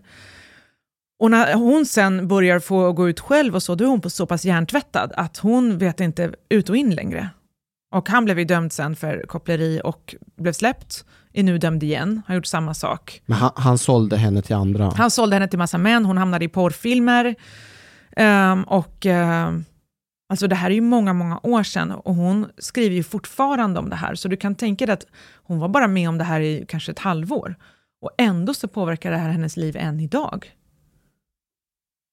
Och det är också en fråga som ingen ställer sig när man gör den här äh, på något sätt hermetiska skillnaden mellan trafficking och prostitution, när man tror att det finns trafficking å ena sidan och prostitution å den andra sidan. Alltså, trafficking är ju en extremt dyr verksamhet för människohandlare, därför att de måste åka runt i Östeuropa, hitta tjejer, de måste betala resa, de måste skaffa pass, de måste skaffa lägenheter, de måste betala alla omkostnader. Alltså, i vilken annan industri behöver man kidnappa arbetskraften? Vi har ju människor som till och med dör på väg till Europa för att de vill arbeta i våra eh, liksom, sämsta arbeten. Och de behöver man inte kidnappa, de kommer hit frivilligt. Så hur kommer det sig att just i den här industrin så behöver man kidnappa arbetskraften? Det säger ju någonting om att det inte kommer tillräckligt många frivilligt. Hade det varit så pass många som då var i det frivilligt, då hade man inte behövt kidnappa någon. Då hade ju folk betalat sina resor själva, varför ska man då betala åt dem? Det är ju en, alltså en, en onödig kostnad då. But if trafficking, at least from other countries, is the problem, uh, and if this is what we want to reduce, do you think, for example, legalizing buying sex from, I don't know, Swedish or Nordic citizens, could this be something that would reduce uh, trafficking? Nej, jag tycker det räcker med den lagen vi har idag. Du har skrivit två böcker som handlar om eh, ganska mycket om kön och Mm, gender. mm, Om könets existens. Mm. Kan du berätta lite om boken? Alltså den handlar om, kan man säga, en ny definition av kön som har kommit de senaste åren, ganska snabbt på typ bara tio år, som går ut på att kön inte egentligen är kroppen. Det är inte din biologi, liksom. Som man har brukat säga att när liksom ett barn föds så ser man, så här, har den snopp eller snippa, så här, ah, det är en kille eller tjej. Men nu säger man att nej, kön, det finns i huvudet. Så du kan tycka att du är ett kön, du känner dig som ett visst kön. Och då är du det, liksom, automatiskt. Ehm, och det är för mig en idealistisk definition. Och den har enormt stora konsekvenser. Särskilt för kvinnor, men egentligen för män också, alltså för hela samhället. Vart har den här idén kommit ifrån? Ja, det undrar man ju. Alltså, det vet jag faktiskt inte riktigt. Eh, det är ju egentligen en ganska extrem idé som kanske den mest radikala delen av hbtq-rörelsen ehm, tyckte för ett tag sedan. Och sen så blev den uppfångad av läkemedelsbolagen som inser att de tjänar 0,0 kronor på en kille som är gay, men om de kan göra om honom till en tjej som är trans så tjänar de liksom eh, en halv miljon euro. Ehm, Så tror du att idén kommer från läk läkemedelsindustrin? jag vet att de driver på. Och sen så har det varit väldigt lätt för den här idén att komma in i stater och organisationer. Eh, kanske därför att man inte ser problemet med den. Man ser inte vad konsekvenserna blir för oss kvinnor av att till exempel män tävlar i damklassen och vinner. Och eh, det tycker man är så här, inkludering och jättefint, men för oss kvinnor är det fatalt för att vi har redan liksom inte möjlighet att tävla med männen och nu kommer vi förlora i vår egen klass också. Vi kommer inte kunna vinna någonstans. Men hur vanligt är det att det där händer? Alltså man ändrade ju reglerna förra året, så det är ju inte som att det har liksom, slagit igenom riktigt än. Men förra året var det ju så, eller förra OS då, så var man ju tvungen att ha en viss hormonnivå för att tävla som kvinna om du var man. Men nu har man tagit bort till och med det. Så nu räcker det med att du tycker att du är kvinna för att du ska vara med Vad där. var anledningen till att man tog bort det? Alltså jag fattar inte, för att det var ju så mycket klagomål på att den här mannen då fick tävla i damernas tyngdlyftning. Så då klagade folk, men istället för att skärpa reglerna så har de ju tagit bort reglerna. Så nu är det så här att ja, du kan eh, ställa upp i damklassen om du tycker att du är kvinna. Och sen så om någon efteråt tycker att du har haft en, en orättvis fördel så kan man anmäla. Men då är det ju redan, tävlingen är ju redan avgjord. Du har ju fått rätt mycket skit för det här som Mm. du pratar om nu. Har du? Ja, Ja, Mm. herregud, det har ju varit en storm. Because you're a turf, eller? Ja de tycker väl det. Okej, kan du så här, var du beredd på att det här skulle hända? Ja. Och vad var det som gjorde att, så här, vad är det som gör att du gå- går emot den sidan av, vad ska man säga, feminismen eller transgenderrörelsen och att du har gjort den här analysen? Varför? Därför att jag är ju för kvinnor. Alltså för mig är inte feminism bara någonting som är för alla kön eller något sånt där, utan för mig är feminismen en kvinnorörelse. Så att eh, som jag ser det, liksom, kvinnor är inte bara något påhitt som vem som helst kan tycka, utan att vara kvinna det är en riktig verklighet som utgår från att du är född med XX-kromosomer. Och det faktum att det saknas flera miljoner kvinnor i världen för att de aborteras som foster, det är inte för att de känner sig som kvinnor, utan det är för att de faktiskt är flickfoster. Och, nej men du skrattar, men det är ju folk idag som menar på att nej, men man kan inte veta vad barn har för kön förrän de liksom är tonåringar och bestämmer sig för det. Men för mig är ju kvinnoförtrycket på riktigt. Det är ju inte bara någon idé. So, so for, for you, uh, trans women are not exactly women. Exakt. Uh, Jävlar, det är ändå um, stark kaffe. Ja, kan man säga. Starkt kaffe. Ja, nej men alltså, så här, jag säger inte liksom att, så här, om, om du bestämmer dig när du är liksom, eh, tio år för att du vill bli kvinna och sen så lever du som det och nu är du 80 år. Det är klart att under ditt liv kommer du ha fått liknande erfarenheter som mig kanske. Så att vi kanske har mycket gemensamt att prata om, vi kanske känner igen oss rätt mycket i varandra. Men eh, egentligen så är du ju inte det. But do you do you agree that there are some people, as they say, have been like born into wrong bodies, so to speak? Nej, det är ju det jag inte håller med om. Nej. För jag tycker ju inte att man kan vara född i fel kropp. Och jävlar. Ah. Really? Like even even like some cases, you don't think that uh, that Alltså, jag vet att vissa mår väldigt dåligt av sin kropp av olika skäl. Men jag tror inte att det betyder att kroppen är fel. Jag tror att det beror på massa andra saker. Som, Som till exempel att du inte trivs med ditt genus, det vill säga de idealen som du kanske utsätts för som ung tjej till exempel. Att vad ska en ung tjej vara? Alltså det har ju ökat jättemycket, bara i Stockholm, mellan 15 till 19 år. Gruppen tjejer, 8250 procent ökning. Ehm, åh jävlar. ja. But- Så but- jag, jag reagerar nu. But there's a difference du between ser, du ser. nu Du har ett jag. hjärta. Jag har there's a lärt difference mig. between like uh, gender dysphoria, rapid onset gender dysphoria, Mhm. right? So, but but gender dysphoria has always been there.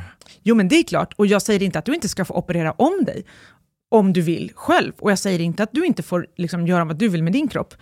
Ehm, alltså om, om en man till exempel känner att Nej, men jag vill verkligen leva som kvinna och se ut som det, så här, ja men gör det då.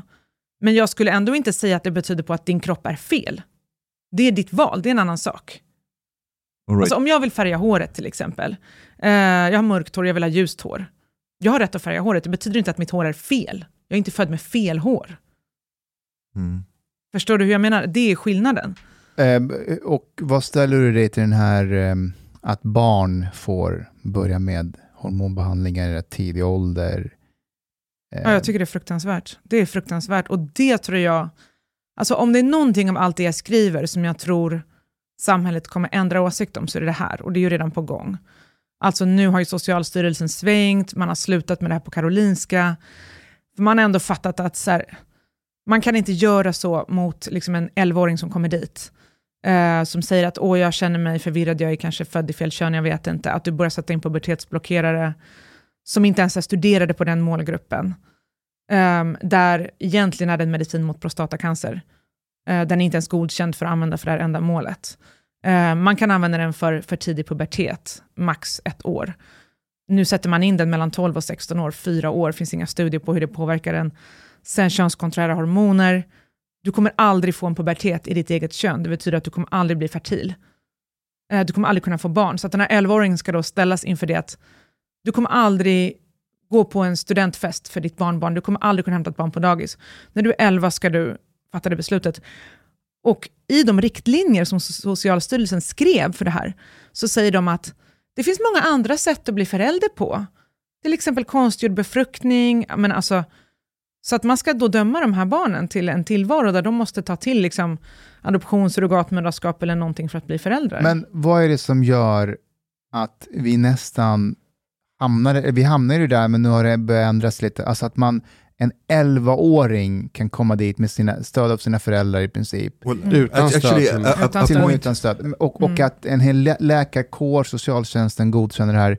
Är det här en konsekvens av barnkonventionen gone crazy? No, but uh, maybe a better angle to to get this from. I, I was like really interested in like uh, how you described that there has been like um, ten years of transition Mm. between, and like you you said that there was an utredning Mm. 2007 Yeah. uh, that has like a, a different stance that Mm. than another one that that came very recently, 2017. Mm. Can you can you talk a bit about both these uh, utredningar and and like why has this radical change happened? Ja, men alltså förr i tiden hette ju det här transsexualism, liksom, eller transsexualitet. Och det var ganska få som, som hade det. Men vad det innebar var att så här, du var tvungen att gå igenom en ganska lång utredning. Och eh, sen efter det så fick du operation och då kallades du den före detta transsexuella, det vill säga du liksom var nu kvinna eller man och levde som det. Men för att få den här operationen så fick du ju göra sån här real life experience där du skulle gå klädd som det motsatta könet då i eh, ett eller två år för att kolla om det här verkligen var för dig. Alltså, så det var liksom, det, det var inte för, för oseriöst, utan det var för de som verkligen ville det här. Sen kom man ju på det här holländska protokollet, vilket är det som man gör med unga då, att man skulle börja tidigt.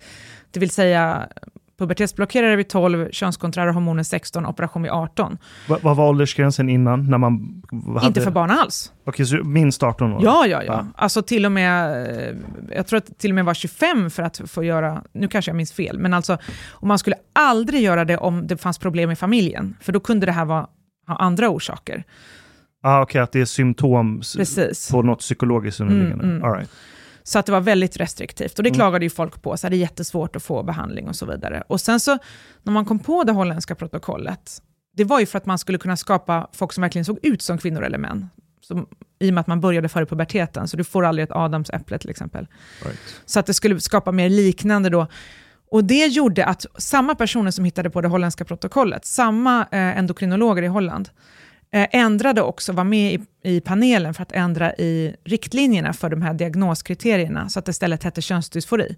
Och det betyder att det är inte alls samma sak som transsexualism längre, utan det betyder att eh, du bara lider väldigt mycket över att du har född, är född i fel kön, så du måste ändra det på en gång. Men fem av åtta kriterier där handlar om könsroller, alltså vilka kläder du har, vad du leker med för saker och sånt. Nu har man ändrat det ytterligare, så nu heter det genusinkongruens. Och det innebär liksom i stort sett att du behöver inte lida heller. Så att vad man gör är att man utvidgar hela tiden eh, målgruppen, så att du får fler och fler potentiella patienter, vilket gör att du kan tjäna mer och mer. Eftersom det är samma personer då som gör de här, eh, som jobbar på de här klinikerna, som har utvecklat de här medicinerna, som sen eh, skriver om de här riktlinjerna. Abvie som säljer Lupron, som är Mm. hormonblockare, de Mm. drog in nästan en miljard dollar 2018. Oh, ja, det är sant. Så Mm. de anammar ju det här, diversity, Just det. inclusion. Så det, det finns faktiskt en enorm big pharma-aspekt bakom det här Mm. Men- som inte talas om jättemycket. Ja, men då är min fundering så här, är, är din tes att det är Big Pharma som ligger bakom det här? Nej, det är inte så enkelt, för att det skulle aldrig gå att plantera något om inte jordmånen var rätt. Så att det finns ju också en stor ideologisk förändring i samhället, där fler och fler tycker att det här är så man ska tycka, det här är så du är tolerant. Ehm, man ska liksom tycka att man är det kön man tycker att man är och så vidare. Jag tycker inte alls att det är något tolerant. Jag tycker det är så här, återgång till stereotyper. För att om kön inte är kroppen, vad är det då? Eh, det finns ju inget annat då än stereotyper. Så det blir ju de som blir det riktiga könet. Och det försöker alltid mina motståndare komma, rund, komma undan och säga att nej, eh, man får själv välja sin könsidentitet. Det är ingenting som någon annan kan säga till om. Det är inte samma sak som könsroll, det är könsidentitet, det är en inre känsla. Men så fort du har ett personligt vittnesmål om så här, jag kände mig som kvinna, alltså likt förbannat är det klänningar, smink, kjolar, alltså du kommer inte undan det där. Varför tror du det är många på vänsterkanten, eh, för att generalisera här, Mm. då, som eh, attackerar dig? För För de tror att man ska tycka sådär. Men jag tror inte att de egentligen tycker det. Mhm. Berätta. Va, va? Um, alltså jag tror de tror att det är liksom så man ska tycka för att vara rätt, liksom, eller en bra människa. Men när man frågar lite mer, så här, men vad tycker du att kön är? Alltså ingen vill svara på det. Och jag får aldrig ett svar på det. Så, Okej, om du tycker alltså att kön inte är kroppen, vad är det då? Och man får aldrig ett svar, utan då är det liksom, ja ah, men du vill förstöra livet för transpersoner och sånt där irrelevant som jag inte alls tycker, bara för att de inte kan svara på frågan, vad är då kön? Ett svar jag brukar få på den frågan, det är att kön är en social konstruktion. Ja. Alltså, genus kan man säga är en social konstruktion, visst. Alltså, det faktum att du har kort hår och jag har långt hår, det är ju inte för att ditt hår inte kan växa, det är ju för att kulturen säger att killar ska ha kort hår. Så det är ju en social konstruktion. Men det är ju precis den man nu säger ska vara det rätta könet, så det är ju den man låser fast oss vid. But actually, this is why I think there's some contradiction there, because quite often there's a lot of people who are for trans rights. They say gender is a social construct, but when it comes to like trans, they say like, okay, there's like these two genders, and maybe Exactly. you feel that you are in a wrong body and so on. For me, this is it, it would have been if you say gender, it's a bit strange to say gender is a spectrum, but also that you can be to that gender or the other if there's a spectrum. And to me, it seems like it would have been more natural if we look at older positions where maybe biological essentialists they said that okay gender is real gender is just like you know gender is sex are the same thing. There's mm-hmm. very clear differences between men and women and gender is binary. Maybe the the to me they would have been more supportive of this like trans that you can be either man or woman and Yeah. that's it. Uh, and the others who said gender is a social construct would be more supportive of it's just a spectrum. There is no binary gender. And hence you cannot really transition to something um, if you know what i mean.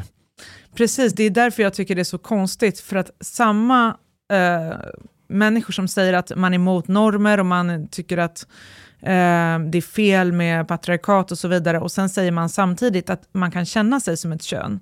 Men för att man ska kunna känna sig som ett kön så måste ju någon ha bestämt hur det könet känner sig. Och vi liksom som feminister vill ju inte att man ska ens prata om sådana stereotyper, för vi menar ju på att kön bara ska vara kroppen och resten ska vara fritt. Alltså att om du är kille, du ska få ha rosa kläder om du vill. Det betyder inte att du är tjej. Eftersom att du är kille, det beror bara på att du har en viss typ av kropp. Det är liksom inte hur du beter dig. but you don't think that there's like there is something to be a man and there is something to be a woman Alltså du En menar essence, naturligt kind of. eller i kulturen liksom? No, not not culturally. Let's say um, not not just like um, genitalia, Mm. but let's say personality traits that can be, you know, on average between groups that are different. Mm. Um, is there something to be a woman psychologically? Alltså, man kan ju se, om jag nu ska prata om forskning och inte bara om vad Ja. jag liksom själv tror och sådär, man kan ju se att det finns vissa skillnader mellan manliga och kvinnliga hjärnor, men de är så mycket överlappande. Mm. Alltså det finns många kvinnor som också har hjärnor som du skulle kunna säga är en manlig hjärna och så vidare. Och sen så finns det inte två hjärnor som efter att man har levt ett helt liv är likadana eftersom man förändras av erfarenheter och sånt. Men däremot när det gäller kön så är det inte överlappande. Det vill säga det finns ingen man som kan föda barn. Det finns ingen kvinna som kan befrukta. Så det, där är det verkligen så antingen eller. Medan med hjärnorna är det mycket mer liksom, eh, hopblandat på det sättet. Hmm. But but okay, you for example, do you feel yourself a woman? Alltså jag är ju uppenbarligen det, men jag vet inte om jag känner mig som en. Vad All känner du dig som då? En man. Eh, precis, nej men vad är det? Alltså, det är ju en filosofisk fråga, det är ju liksom ingenting som... som du riktigt kan säga, för att det är ju bara som du är. So let's say you open your eyes and you are transformed into a male body. Aha. Helt och hållet. Oh. Ja, det skulle väl vara kul. Det var you would think jättespännande. you wouldn't think that there is like some kind of disconnect between how you feel as a woman and having like a you know a male body. You wouldn't feel that. Men det är ju hypotetiskt. Ja, hur skulle jag känna då? Jag vet inte. Yeah, but I Det mean skulle ju såklart vara roligt för folk att prova en dag eller två, liksom, om man kunde. En vecka. En vecka tycker du? Jag hade lätt provat. oh, but uh, be, I think this is an interesting question because this is probably what people who have gender dysphoria are kind of feeling. Alltså, jag tror att man känner på väldigt många olika sätt. Men det är klart att det finns människor som känner, gud, det här är så fel. Men om man tittar på så här, varför? Tittar man till exempel på alla de här unga tjejerna som kommer. Alltså många av dem, oproportionerligt många, har fått mens väldigt tidigt. Så det är tjejer som får mens när de är kanske 8-9. Liksom. Och varför är det då så? För när de sen berättar, och det skriver jag också om i boken, tittar man på deras vittnesmål, då är det just sådär att de vill inte komma i puberteten. De har kommit i puberteten, puberteten ti- tidigt. De vill inte det. Liksom. De har ett motstånd mot det här kvinnliga. Och But uh, is puberty blockers then good for these cases? yeah, well then they stop puberty. Like puberty blockers just stop it. So Mm. like everything will disappear. Mm. Man ska You know? inte jiddra med den cykeln. Alltså. Nej. But, Nej men alltså för mig är det så här, alltså i tonårstjejer, inte jag personligen, men jag vet att många, många andra eh, har alltid hatat att komma i puberteten. Det är en extremt svår tid. right. Och nu är det så här att bara för att du känner så, så ska man börja ge behandling för att du inte, så att du ska slippa puberteten.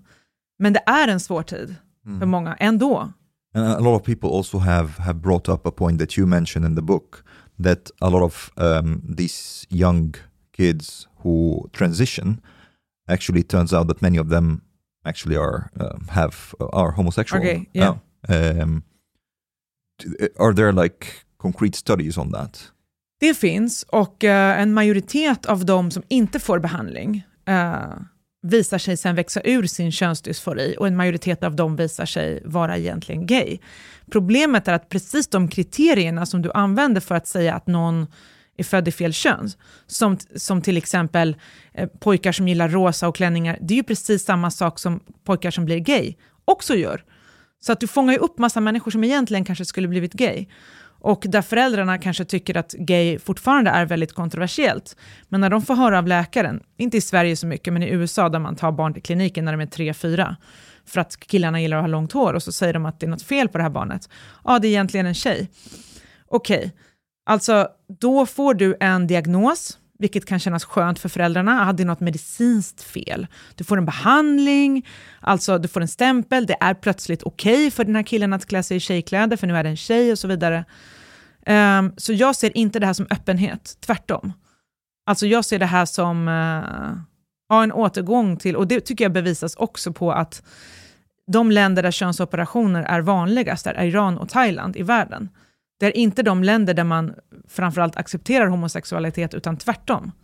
Det här förvånar mig lite. Du menar att man är, det är mer stigmatiserande att vara homosexuell än att byta kön? Mm, ibland är det det. Wow. I Iran får du ju statligt finansierade könsoperationer Yeah. för att du Just inte det. ska vara gay längre. Så då har du ju bytt kön och då är det fine att ligga med det könet du egentligen vill ligga med. Mm. Actually, I can see that for for some conservatives that would be the case. If you really, you know, to stop you from because to be homosexual is unnatural, but it's possible that something wrong happened Mhm. to you and you just like were in the wrong body and you need to be corrected. Um, Jag, But- tyck, Ja. jag, jag tycker det kan vara en, en bra riktlinje. Det är att när en viss diagnos ökar explosionsartat plötsligt från ingenstans.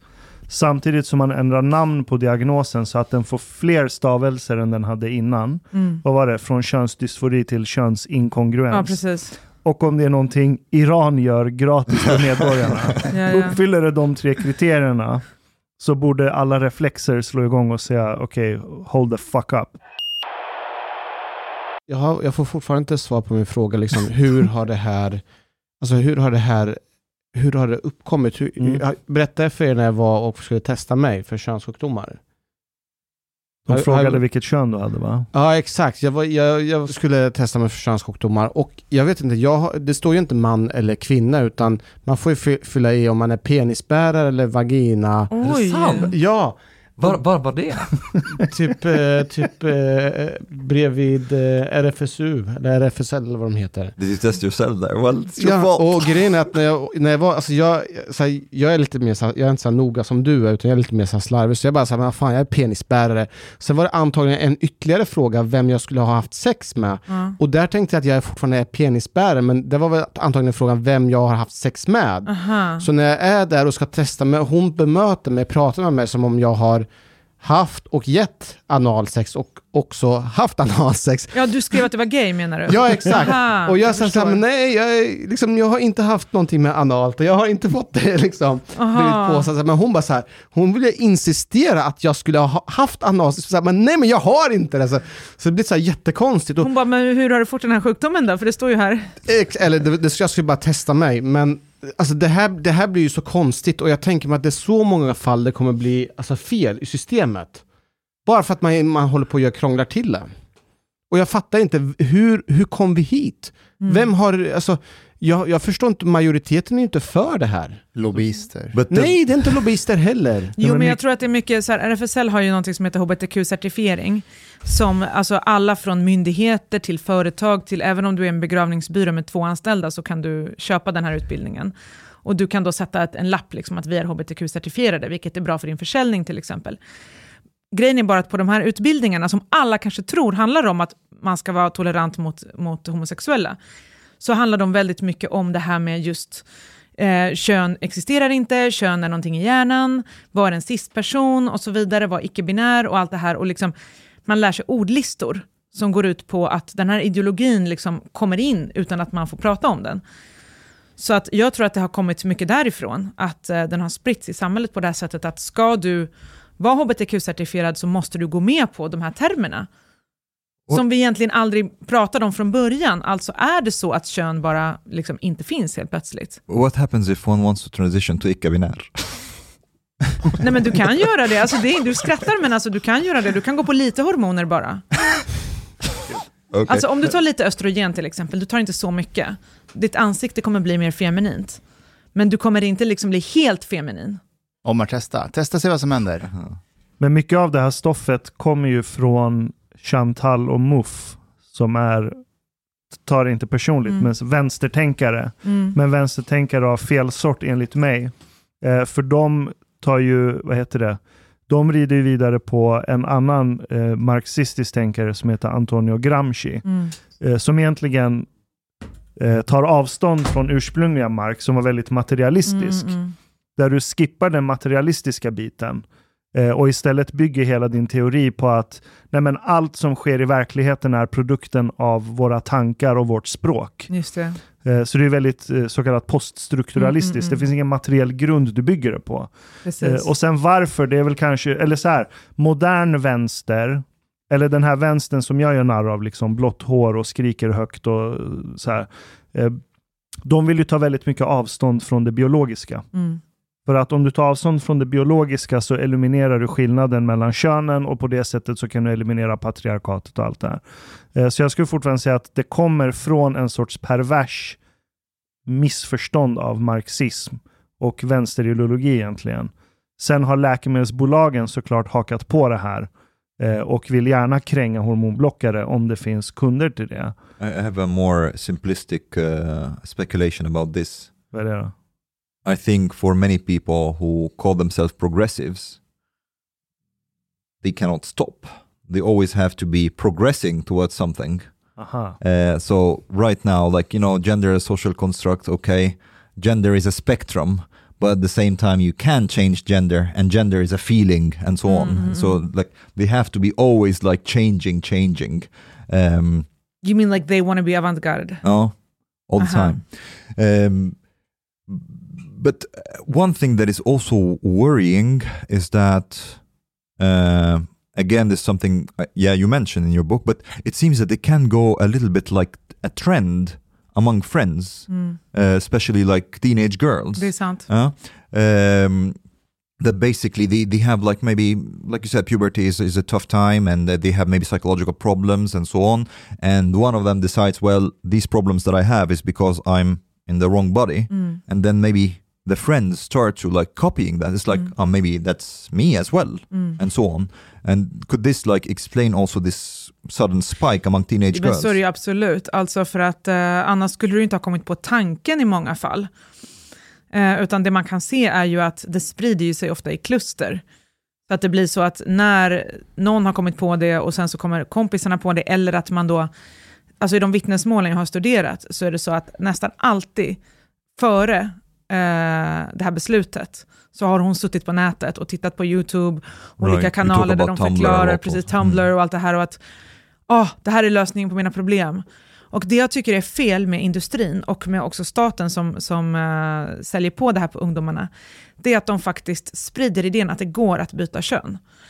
Um, så de här tjejerna blir ju också då offer för det här, där man inte förklarar att du kommer inte kunna byta kön på riktigt. Därför att visst, du kan få ett skägg, det är ganska lätt, du tar hormoner och du får skägg.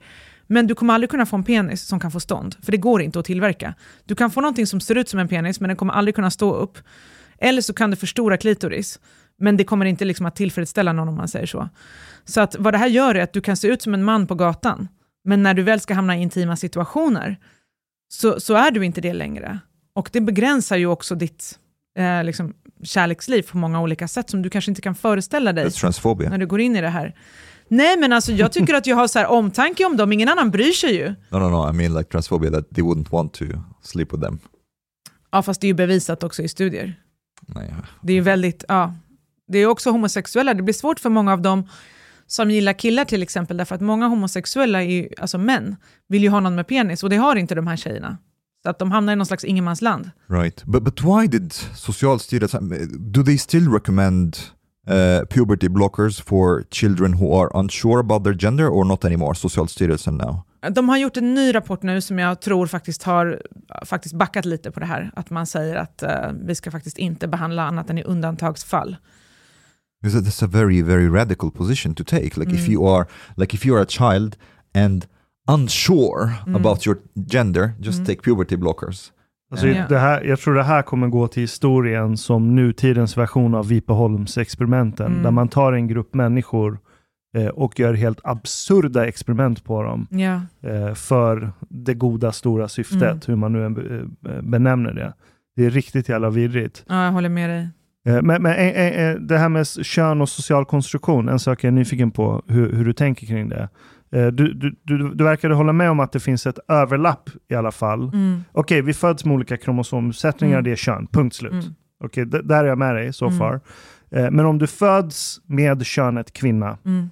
eller man, enligt den definitionen du har, Mm. som jag håller med om, Mm. eh, tror du att det kön du föds med kommer påverka hur du ser världen, vilka intressen du kommer ha? Inte på individnivå, men på gruppnivå. Alltså det som är så intressant med det där är att man skannar ju inte nyfödda barns hjärnor på det sättet, utan de hjärnor du skannar är ju redan vuxna människor. Så där hamnar du i dilemmat, är det naturen eller är det samhället? För du kan se på vuxna människor att det finns skillnader liksom, mellan vissa mans och kvinnohjärnor. Inte alla, liksom, men att det finns vissa tendenser. så. But children also. Eh, Men det är inte så ofta du skannar barns hjärnor. Yeah, but I mean behavior at least. Precis, alltså beteende, men det är en annan sak. Då, är- då är det inte hjärnan du studerar direkt, utan då kan det också vara sociala sammanhang och så. Så att det är lite tricky faktiskt, eh, om man tänker rent vetenskapligt, vilken slutsats man ska dra. Sen finns det ju människor som är födda liksom, med en eh, typ av intersex eh, eh, variant, där man kan se att ja, det finns tjejer som är födda som har haft mer testosteron till exempel i eh, moderlivet och som har intressen som liknar då mer, mer mäns. Men det intressanta är att det inte är de som sen får könsdysfori och vill bli killar. För det borde det ju vara egentligen om det hade kommit från kroppen, då borde Ja. det vara exakt dem. Men det är det inte, de har inte alls någon eh, större tendens att vilja bli killar, utan det är helt andra personer som vill bli killar som inte alls har det här eh, syndromet. Ja, men jag, jag tänker mer på nej, frågan om jämställdhet Aha. och patriarkatet, eh, eller idén om patriarkatet. Eh, om det går att koppla till kön på något sätt. Till exempel ja, men om man kollar på diskrepansen i lön mellan män och kvinnor. Mm. Eh, så ser ju inte du den diskrepansen längre om du slår ut på faktumet att män och kvinnor på gruppnivå tenderar att välja olika yrkesvägar Mm. i livet. Mm. Eh, så jag är nyfiken på om du tror att det i sig har med det kön du föds med att göra eller inte. Att till exempel fler Mm, kvinnor än män söker sig till yrken som har mer med människor att göra, Ja. omhändertagande. De yrkena råkar vara en del av offentlig sektor i Sverige idag, vilket gör att såklart lönerna kommer gå ner. Nej, men så här är det ju, alltså kvinnor världen över, oavsett land egentligen eller system, vi är ju den reproduktiva klassen som utför det reproduktiva arbetet, vilket innebär inte bara att föda barn, utan att eh, liksom, från ett naket barn så skapar man en kulturmänniska, därför att det är du som lär den att prata, det är du som lär den att gå, det är du som lär den att torka sig, det är du som lär den att bete sig vid matbordet, läsa, skriva och så vidare. Alltså, hela det arbetet utför kvinnor i hela världen. Skillnaden i Sverige är att de får betalt för det, vilket i de flesta länder får du inte, därför att du tar hand om dina egna barn. I Sverige tar du ju hand om andras barn, andras gamla, andras sjuka, så du får pengar för det. Så det är ju skillnaden. Men även här är det ju så att av de tio vanligaste kvinnoyrkena eh, så är ju de flesta just inom den reproduktiva sektorn. Alltså jag som feminist ser inte nödvändigtvis att hela poängen är att män ska ha liksom exakt samma yrken som kvinnor och att det ska vara 50-50. Däremot ser jag att man ska lyfta hela den reproduktiva sektorn lönemässigt, därför att allting bygger ju på den. Det är ju egentligen den viktigaste sektorn. Mm. För har du inte den, då kan du inte ha produktion. För hur kan du liksom ens bygga ett hus om du inte har lärt dig först att gå och skriva, torka dig, liksom allt det här som kvinnorna har lärt dig? Så det borde ju vara mest betalt tycker jag. Sen är inte jag säker på att jag vill ha liksom 50% män som arbetar eh, liksom, eh, på förskolan, förskolan. eller så vidare. Varför liksom. inte det? Vad kan gå fel? Ja, många saker. Jag säger inte att alla män är så. Det finns många jätteduktiga män som arbetar där. Liksom. Det vet jag, men jag tycker man är lite naiv om man tror att hela poängen är att liksom män ska arbeta inom de här yrkena precis som kvinnor, därför att det finns också många pedofiler som kommer söka sig dit. Eller varför blev det så tyst? Nej, men för att jag, jag, jag, jag tror också att så är du pedofil så tror jag att du ser en fantastiskt lukrativ möjlighet genom att jobba på förskola. Det låter ja, hemskt, det men eller idrottsrörelsen eller katolska Ja. kyrkan eller vad som helst där det finns barn. Det, det är som eh, min favoritkomiker Louis CK, eh, om varför det är så många pedofiler i scouterna. Mm. Eh, det, nej, men det är inte så konstigt, för det är så här, föräldrarna pallar inte vara med sina barn i skogen i tre veckor. Ja, Men det kommer en främling som vill hänga med de här barnen ja i skogen i tre Ja, veckor. exakt. Mm. Vad är felet? Nej, men jag Eh, har också tänkt på det där. Men han har också en jävligt rolig take på det att du kanske måste vara pedofil för att vara en jävligt duktig boy scout. Att Gud, de hemskt. talangerna går hand i hand. Det Ja. råkar vara så. Men jag vet inte om det är så. Eh, men, eh, Ja, förlåt. No, but you you also like uh, one thing that I found interesting that you use like uh, Marxist dialectic materialism, Mm. dialectic materialism to to co- like um, how to say analyze an interaction between sex and gender. Mm. Do you, do you want to? Kan Jo, du bara men- kort dra dialektisk Ja, materialism? precis. Nej, men vad, vad jag menar med dialektisk materialism, det är liksom att man ser eh, i korthet då både natur och kultur och att de samverkar på olika sätt. Liksom. Att man inte, då som, som biologisterna kan man säga, de är väl könsdebattens metafysiker, det innebär att de menar på att allting alltid är på ett visst sätt, ingenting kan någonsin förändras, liksom, naturen är fast, medan dialektikerna ser liksom att vi måste erkänna att naturen existerar. Alltså det faktum att kvinnor föder barn, det betyder jättemycket vi skulle inte kunna ens prata om ett patriarkat om det inte vore så. Därför att det liksom har så många andra effekter. Det kommer du inte bort ifrån. Eh, men samtidigt betyder ju kulturen också någonting. Eh, så om vi säger då att naturen är ju kön och kulturen är genus, så samspelar ju de för att skapa den idé som vi idag har om vad en man och en kvinna är. Men Mm. oavsett vilket samhällssystem du har, så kommer reproduktionen fortfarande gå till på samma sätt. Och sexuell selektion. Ja, från Darwin menar du? Nej, men att kvinnorna är den sexuellt selekterande klassen Mm. i Homo sapiens. Det är ni som bestämmer vem som Alltså får, jag får lä skrev, läste du den artikeln jag skrev om det där? Eh, för jag, jag läste hans verk om eh, sexuell selektion och det jag tycker är så intressant är att, eh, för så är det ju liksom inom många andra däggdjur och fåglar och så, att det är honan som väljer hanen och så. Men jag tycker att det har gått lite fel i människan. Mhm. På vilket sätt? Därför att inom alla djur så är det ju hanen som är jättesnygg, men tyvärr inom människosläktet är det ju tvärtom. Fast Det är kanske en kvinnor ligger ju med män. Ja, men vi har inte så mycket att välja på. Vilka Well, not, kretsar not, hänger du not i? if you're straight. Nej, men det är det jag menar. Men liksom, Just Sverige eller? Nej, men jag menar i hela världen. Alltså om du tittar på till exempel påfåglar, Ja. kanske extremt exempel, men honan är grå och tråkig och mannen är jättefärgglad och fin och liksom har massa fjädrar som han går runt och släpar på bara för att vara vacker. Men alltså... vad har du för förväntningar på oss män? Vad vill du Ja, att vi men ska liksom ha? vad är fjädrarna? Det- Jag undrar. Men, va, men på vilket sätt hjälper fjädrar i ett mänskligt stamsamhälle? Liksom, fjädrarna kommer inte...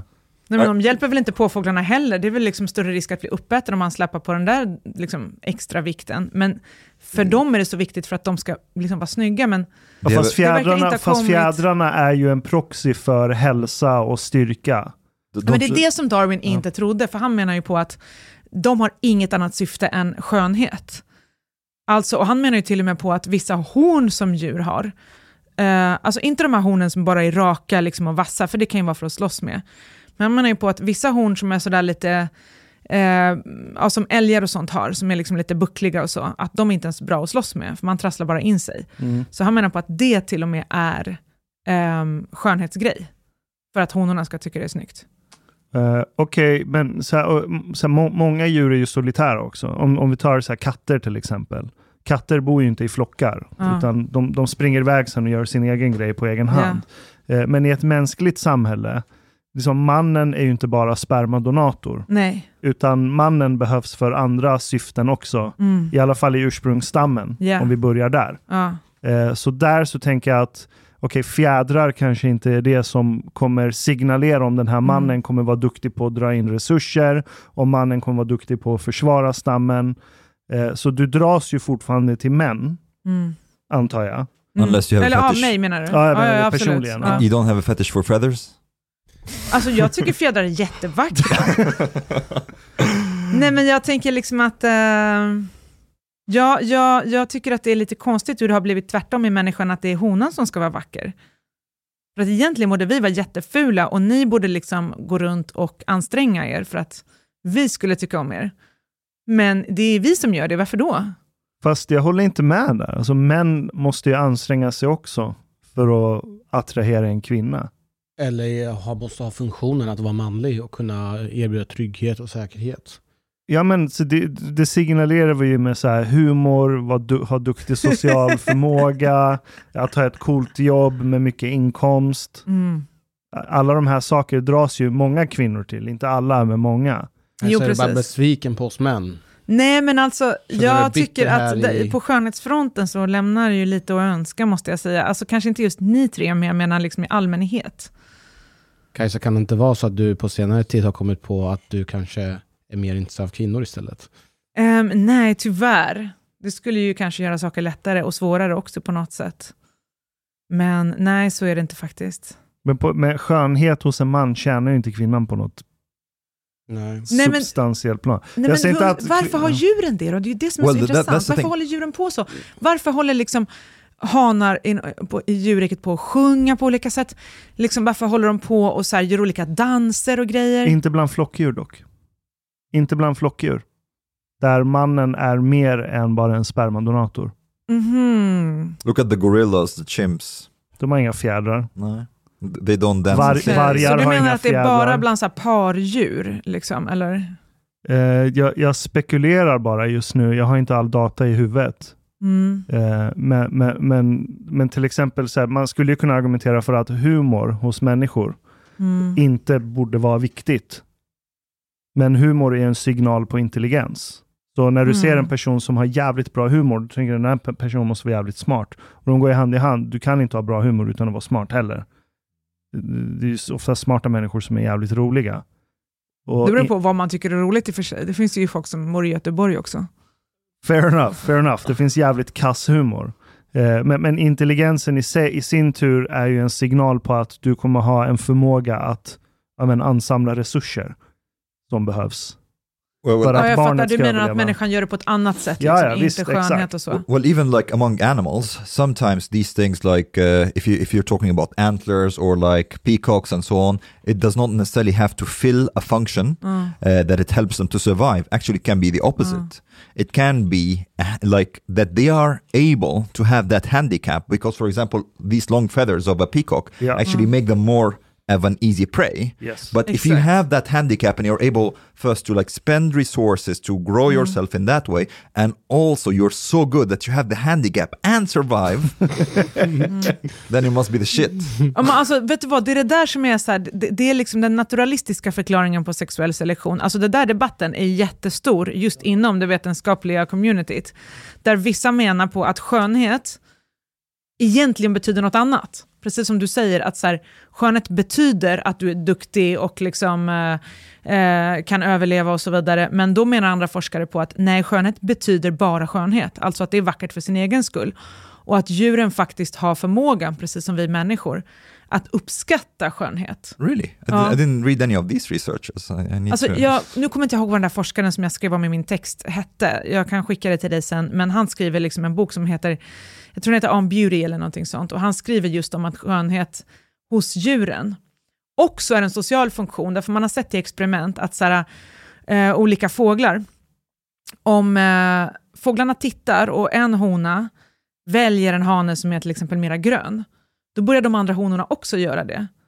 Så att de kan till och med påverkas av varandra för att så här, se vad de tycker är vackert. Det, fast det gör ju vi människor också. Det, det här har eh, antropologen René Ja. Girard Mm. skrivit jävligt mycket om. Mimesis-teorin. Mm. Att vi människor härmar våra begär utifrån andra människor vi ser upp till. Ja. om- Om alla killar i min omgivning Mm. söker sig till, säg, kvinnor som ser ut på ett visst sätt, så Mm. kommer jag härma deras begär. Just det. Eh, och, och det ser du bl- bland vissa djur också. What, if- what if they start like all men in your omgivning start to go for men? Och be like, oh. Då gör du också det. Nej men alltså Darwin skriver ju i den här boken, Darwin skriver ju till exempel i den här boken om varför det är så att män, eh, i, alltså är, typ, alltså mänskliga män, är de enda i djurriket som har, eh, som inte ligger med alla, liksom, utan som, har, som är kräsna. Därför att typ hanar till exempel hos fåglar och så, de tänker ju inte, vill jag ha den här honan, utan de ligger med alla som de kan få. Ja. Men så gör ju inte mänskliga män. Och så skriver han också om att olika män i olika delar av världen har så här olika preferenser. Och då skriver han att afrikanska män, de är intresserade av rumpor. Han skriver det redan där. Och liksom att där är det till och med så att liksom en tjej med stor rumpa kan få jättemånga killar. Medan skriver han i Europa, där tycker folk männen tvärtom. De tycker inte det är fint med rumpor. Men nu med globaliseringen, då har ju det blivit så här hela världen, så nu tycker ju alla det. It's Kardashians. Eller hur? Det är det jag säger. Men eh, eh, vad, fan, det var något jag tänkte säga om eh, just det där attraktion och män. Eh, Jag tänker eh, män, vill nog, män har nog en begär att ligga runt med många kvinnor, det tror jag. Även om de är jättefula. Kanske Well, men inte de- definitely more promiscuous than women though. Men skulle ni liksom hellre ligga med en ful och jättegammal kvinna än ingen alls? Nej, jag skulle inte göra det. Jag skulle inte ligga med någon.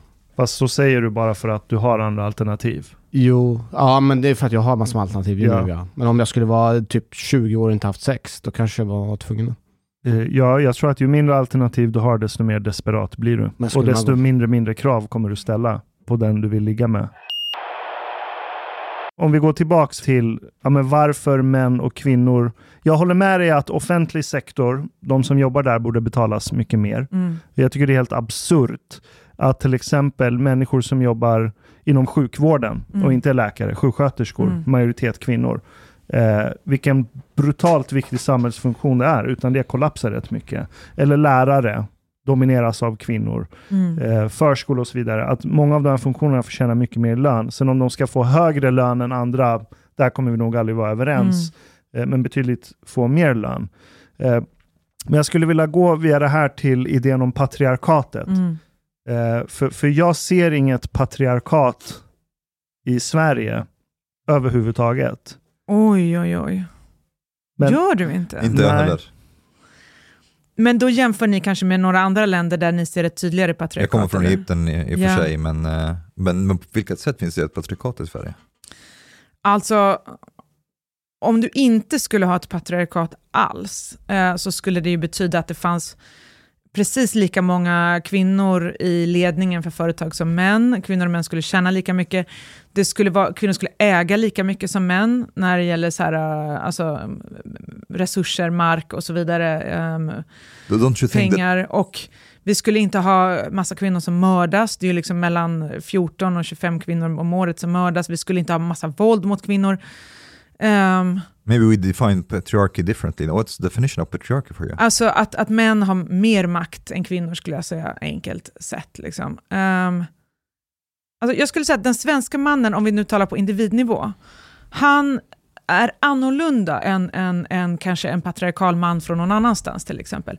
Alltså om du tar till exempel en, en typisk latinamerikansk man, för honom är det okej att hans tjej har liksom massa åsikter och att hon skriker och pratar högt och sådär. Men det är inte okej att hon kollar på en annan kille. Men om du tar en typisk svensk man, för honom är det okej att tjejen har så killkompisar. Men om hon liksom har, är för högljudd eller har åsikter som han inte håller med om, han blir så sjukt provocerad. Och särskilt om hon rättar honom i någon så här faktauppgift. Om han säger så här, nej men det är faktiskt 5% av, och då säger hon nej det är fel. Då blir han think so? skitsur. Ja, That's not my impression det är min erfarenhet, believe me. Alltså nu generaliserar jag jättemycket. Så går det när man söker sig till killar med fjädrar. Med fjädrar. nej men alltså Nej, men jag du har inte fattar, det heller den är bilden. liksom... Alltså den Ja. typen av man du beskriver. Mm. Så jag, har, jag, har, jag- måste verkligen anstränga mig för att komma Jag på med. tillfällen du har träffat en sån person. Men RL. du som man kanske inte märker det, därför att eh, jag som kvinna märker det. Jag märker liksom att ehm, många svenska män har otroligt svårt med eh, att du vet något som de inte vet till exempel. De blir röda i ansiktet, arga och vill trycka ner dig på något sätt. Så Men att jag o- tror att patriarkatet ser olika ut. Om, Eh, om vi tittar på till exempel vi som har partners så är ju generellt sett våra partner mycket yngre än oss. Mycket, Jag Nej. tänker på Mustafa, din, alltså det är ju inte jämnåriga. Jo, Är det är de? inte jättelång, Nej. stor skillnad. Men det är ju inte någon som är äldre i varje fall. Nej, det är det inte. Nej, och vad, är det bara estetiskt eller, eller finns det någonting där med att man eh, är lite, Well, har en viss överlägsenhet i liksom Nej, jag tror att det, erfarenhet ha, det handlar mycket mer om fertilitet. Men are for like, they are fertile for much longer time than women. Mm. Nej, det tror inte jag. Det handlar om det där i en Men de är där. efterhandskonstruktion. Ja, men alltså jag tror inte det, det beror på om du så tänker, åh jag måste skaffa barn nu, nu, nu, vem ska jag välja? Liksom, ska jag välja en som är 70 eller en som är 30? Men det är ju inte så det är. Well, I think actually a lot of attraction, uh, consciously or subconsciously, comes from signals about fertility.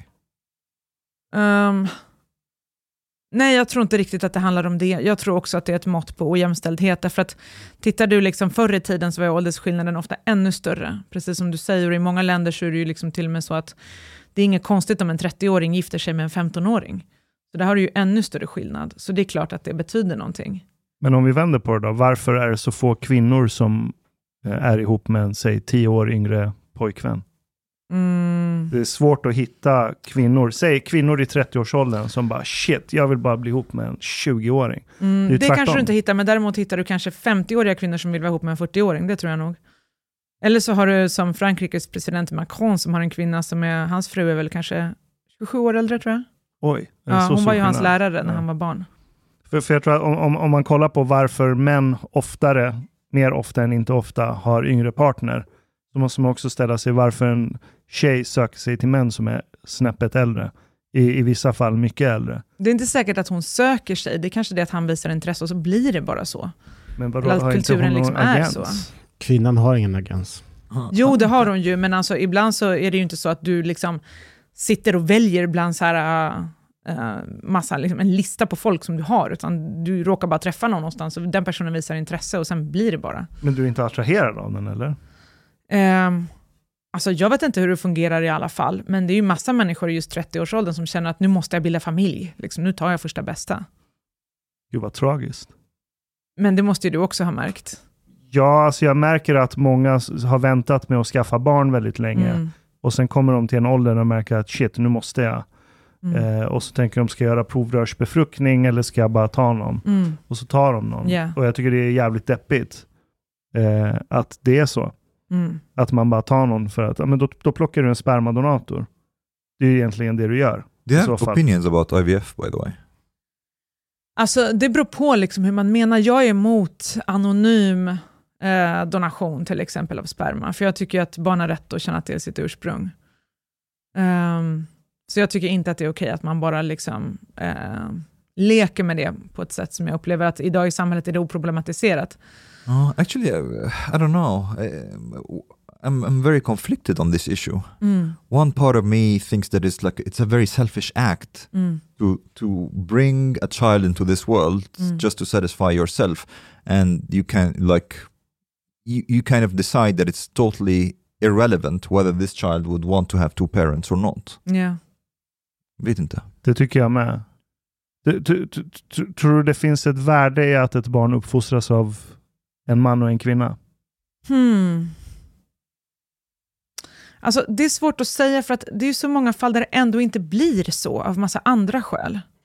Som, Jag menar att det blir skilsmässa och någon dör, liksom. Ja. Okej, någon dör, fair enough. If we eller som, som typ i Latinamerika där det är nästan alltid mormor som uppfostrar därför att mamman är ganska ung.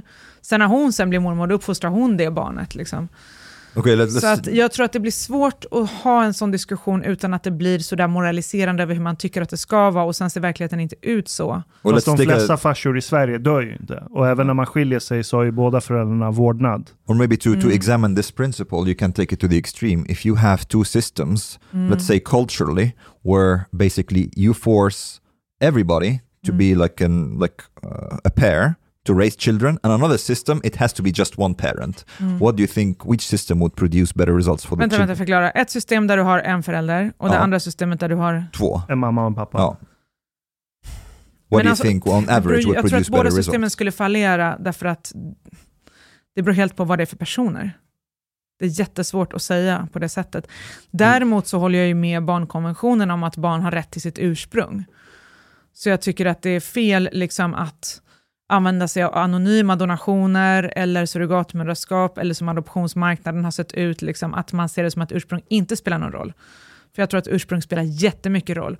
Och tittar du på de barnen som har blivit adopterade eller blivit så här, från donator, många av dem söker ju sitt ursprung. Det blir jätteviktigt. Idag håller ju massa människor på med så här DNA, var kommer jag ifrån, vem är jag, typ sånt där. Så jag tror att det är fel att tänka att liksom, det är bara okej bara du får kärlek, för det tror jag inte på. Sen tror jag såklart att det är bättre med liksom, ingen pappa än en pappa som eh, slår sönder hemmet varje gång han blir full till exempel, eller något sånt där. Ehm, så att därför tror jag att det är svårt att, att generalisera på det sättet som du säger. Liksom. För att jag tror båda systemen skulle skapa otroligt stora problem. Yeah, yeah, but uh, I mean, if if you examine like the average result of of both systems, I would speculate that the one where there are two parents that put like kind of like uh, equal or some effort into raising the child, Mm. it will basically be better for the child than if it's always just one parent in all cases. Mm. Men sen har du också collateral damage på båda systemen i så fall, för då har du eh, dels som du säger, där det är en förälder och den föräldern kanske inte räcker till eller kanske dör. Det tänker jag också när du skaffar barn ensam. Tänk om du dör, vad gör du med barnet? Till exempel en sån sak. Ehm, men sen så har du det andra systemet där du har liksom med nödvändighet, som det har varit i många samhällen, att föräldrarna måste hålla ihop. Och du har fruktansvärda äktenskap med barnmisshandel, tortyr liksom och sånt där, där du, ingen kommer loss därifrån. Excellent. Ehm, så att det måste ju finnas en utväg. Mm. Ja, Men jag tänker att om, om, om, om man föds med ett visst kön Mm. och att vi är biologiskt evolverade i alla fall att tillbringa vår uppväxt i en miljö där du har maskulina och feminina roller Mm. som tar hand om dig och uppfostrar dig. Så tror jag att, nu säger jag inte att alla barn som växer upp utan en mamma eller pappa, att det går dåligt för dem. Mm. De kan ha andra förebilder runt omkring sig. Mm. Eh, men jag tror att på sikt så kan det här bli ett väldigt farligt experiment. Om det blir som att vem som helst bara av ideologisk övertygelse bestämmer sig för att äh, men jag vill inte ha en partner, jag ska skaffa barn på egen hand. Mm. Så tror jag att om det blir för mycket av det så, så, så kan det här leda till konsekvenser i samhället. That's one thing. Plus, actually, I, I really think, generally speaking, sexual selection plays an important role in sustaining society in general. Mm. And I think if people decided, well, I don't actually need this other person to, to have children with, um, that would like reduce incentive for men, for example, to to try to better themselves. Alltså, men nu pratar du om liksom, som om att det här skulle bli så här jättemånga som gör det, men jag tror Exakt. inte att de flesta vill det. Nej, nej, alltså, nej. det. Det kommer inte vara särskilt många som gör det i alla fall. Därför att som sagt, det är väldigt jobbigt att ha barn, det är inte så många som orkar med det själva. Och ofta att få barn är ju liksom en del kanske i någon dröm om också en familj och samvaro med en annan människa. Så där. Det kommer ju ofta liksom med ett helt paket. Jag känner en handfull personer som har gjort så. Ja. Det börjar bli mer och mer. Oh. Jag drar också en koppling till avsaknad av eh, manliga förebilder. Vilka Mm. konsekvenser det kan få. Men sen måste du också tänka på att alltså, fram till liksom 50-talet i Sverige så var pappan ofta en gäst i sitt eget hem. Alltså han kom hem efter en lång jobbdag och liksom käkade och gick och la sig. Det var inte så att han var liksom där och någon förebild. Det är ju något relativt nytt att Ja, mannen men ska ta del liksom, hårt. i Jo, precis. En, som en abstrakt eh, liksom, skugga som går runt där. Men det, var, det, det är något väldigt nytt att mannen liksom har aktivt tagit del i barnuppfostran. Och Is this really the case? Because like I can imagine like maybe Sweden in the past was a bit similar to Egypt now, Mm. kind of. So there, like um, the fathers are not very involved in like directly taking care of the children, mm, mm, mm, but they are much. They, they are very involved in like giving guidance. Maybe they are there. They they are mm. not. They don't spend time with the children as much as the mother. Yes, but they are still there, and and the child like goes to them to ask for advice uh, and and well protection, things like that. Nej, men alltså, om jag pratar med folk i min familj om hur det var alltså, i början på 1900-talet, liksom, så säger de att pappan, eh, man kände ju inte honom. Alltså, man hade ju inte en personlig relation till honom. När han kom hem då skulle man liksom vara tyst och låta honom vila och vara i fred. Liksom. Man fick inte störa honom sådär. Och det var liksom egentligen mamman som uppfostrade barnen. Så att jag tror att den här närvarande pappan, han kom väl, tror jag, på kanske 60-70-talet. Där det fanns också en medveten idé också från barnlitteraturen om att man skulle lyfta fram papporna. Och sen tycker jag att det har kommit i överkant, för att idag, om du ska läsa böcker för barn, så är det bara pappor som är med. Liksom finns knappt någon mamma i barnlitteraturen. Det är alltid så här, pappan hämtar på dagis och pappan går till tandläkaren med barnet och pappan, och man bara, ja, ja, alltså finns inte vi mammor eller? Mm. But uh, Är Alfons Åberg en antifeministisk barnlitteratur? Det är talibanernas drömbok. Det finns inte en kvinna i den där boken, jag hatar den där jävla skiten. Alfons, men det är bara, han har bara en pappa. Ja, det, finns det är en mamma. kille med en pappa, de har en katt, den är också en kille. Eh, alltså alla figurer, han har en låtsaskompis, det är också en kille. Alla är killar i den där boken, ingen pratar ens om, om, om mamman, hon finns inte, hon nämns inte. Och det där ska vara någon slags jämställd bok. Alltså jag förstår inte hur de tänker. Att pappan självständ, är självständig. Ja, ja, men alltså det är som att man inte får prata om mamman, vad har hänt? Liksom? Är det surrogatmödraskap? Har han mördat henne? Jag vet inte. Jag tycker det är så skumt. Alfons har all, pappa är gay tror jag. Nej, men vad är, vad är partnern då? Vad- Han har ju ingen kille Men han har, heller. ju, han har ju skaffat det via Det kan- surroga- Ja, det, men det är det jag surrogatmamma. undrar liksom. Och sen har gjort slut med killen. Nej, jag tycker inte det alls är något bra. nej, jag, jag, jag har alltid fått så här lite ångest när jag såg Alfons på tv. Mm. Eh, och sen så jag själv fick barn. Så här, ja men Alfons, det växte jag upp med så jag har köpt Alfons böckerna. Mm. Och medan jag läser så blir jag bara mer och mer så här, bara kalla kårar i min rygg. Bara what the fuck är det här? Ja, Vem är de? Vart bor de ifrån? Varför är pappan alltid där? ja. Ingenting makes Men hon sense. vill ju aldrig svara på det heller. För hon, de frågade sig vad är mamman? Och då sa hon så här, ja, hon kanske är ute och handlar. Men det där håller ju inte, för då skulle hon någon gång komma tillbaka. Men hon är ju inte ens där när han fyller år. Alltså, och jag tror så här, för att göra så här, för det här tror jag präglar liksom den svenska idén om jämställdhet. Den går ut på liksom att, eh, ehm, alltså, jag, jag tror att det är ett arv från protestantismen. Därför att om du jämför med katolsk religion, där har du liksom jungfru Maria som en stark karaktär. Och tittar du liksom i katolska länder så ser du henne och Jesus överallt. Så att där har du en stark kvinnlig förebild. Men vi avskaffade det med protestantismen, så det var bara pappan och sonen och den heliga anden. Så att du har inte någon kvinna i den här religiösa historien. Och när vi sen införde jämställdhet så präglas det av det här protestantiska arvet som går ut på liksom att vi ska se att kvinnor och män är exakt lika, vi ska lyfta fram männen liksom, i föräldraskapet, papporna och så vidare. Men det finns också liksom ett problem med det här. Därför att du har inte de här starka kvinnorna som lyfts fram. De försvinner. För att vi har inte det i historien. Så att moderskap är liksom ingenting. Det är inte värt något, det finns inte. Men kan inte det vara det egentliga problemet i svensk feminism idag? Att svensk feminism lever på att hela tiden klaga på att männen är för starka. Istället för att vända på det och säga varför har vi inte byggt en feminism som utgår från att kvinnor måste lyftas och bli lika starka som männen? Mm. För det Alltså, saknar jag i svensk feminism idag. Alltså, det är inte det att kvinnor inte är starka, för det är de ju. Alltså, kvinnor kämpar ju på som arbetshästar i sin vardag. Liksom, Det håller jag med om, men när vi tittar på så här, ja, men, men sen kommer diskussionen till slut till ledningsgruppen, till politiken. Nu har vi det hyfsat jämställt i alla fall rent, kollar vi på partierna så är Mm. majoriteten kvinnor. Eh, Men ja, absolut, kvinnor är starka, de jobbar, sliter och Mm. bär upp samhället på många plan. Eh, Men den feministiska diskursen verkar bygga på idén om att männen är för starka. Och det är det som är problemet. Especially when it comes to sexual relationships maybe. Ja, Mm, nej, jag tror inte någon säger att männen är för starka. Ehm, har någon sagt det? Liksom, But eller? do you have any critique of Swedish feminism apart from the trans question? Ehm, alltså det som jag saknar idag, det är det som det jag ser till exempel i Spanien eller i många andra länder, att de har en så här aktivistisk kvinnorörelse på riktigt. Alltså de har till exempel på 8 mars, så strejkar flera miljoner människor och de är ute på gatorna. Det är inte som här liksom att det är väldigt individualistiskt, det är väldigt mycket på nätet, det är väldigt mycket så här äh, profilbyggande. Uh, och sen så har man ju lyckats i Sverige på många plan just därför att man har lyckats ta sig in i, i alltså maktstrukturer.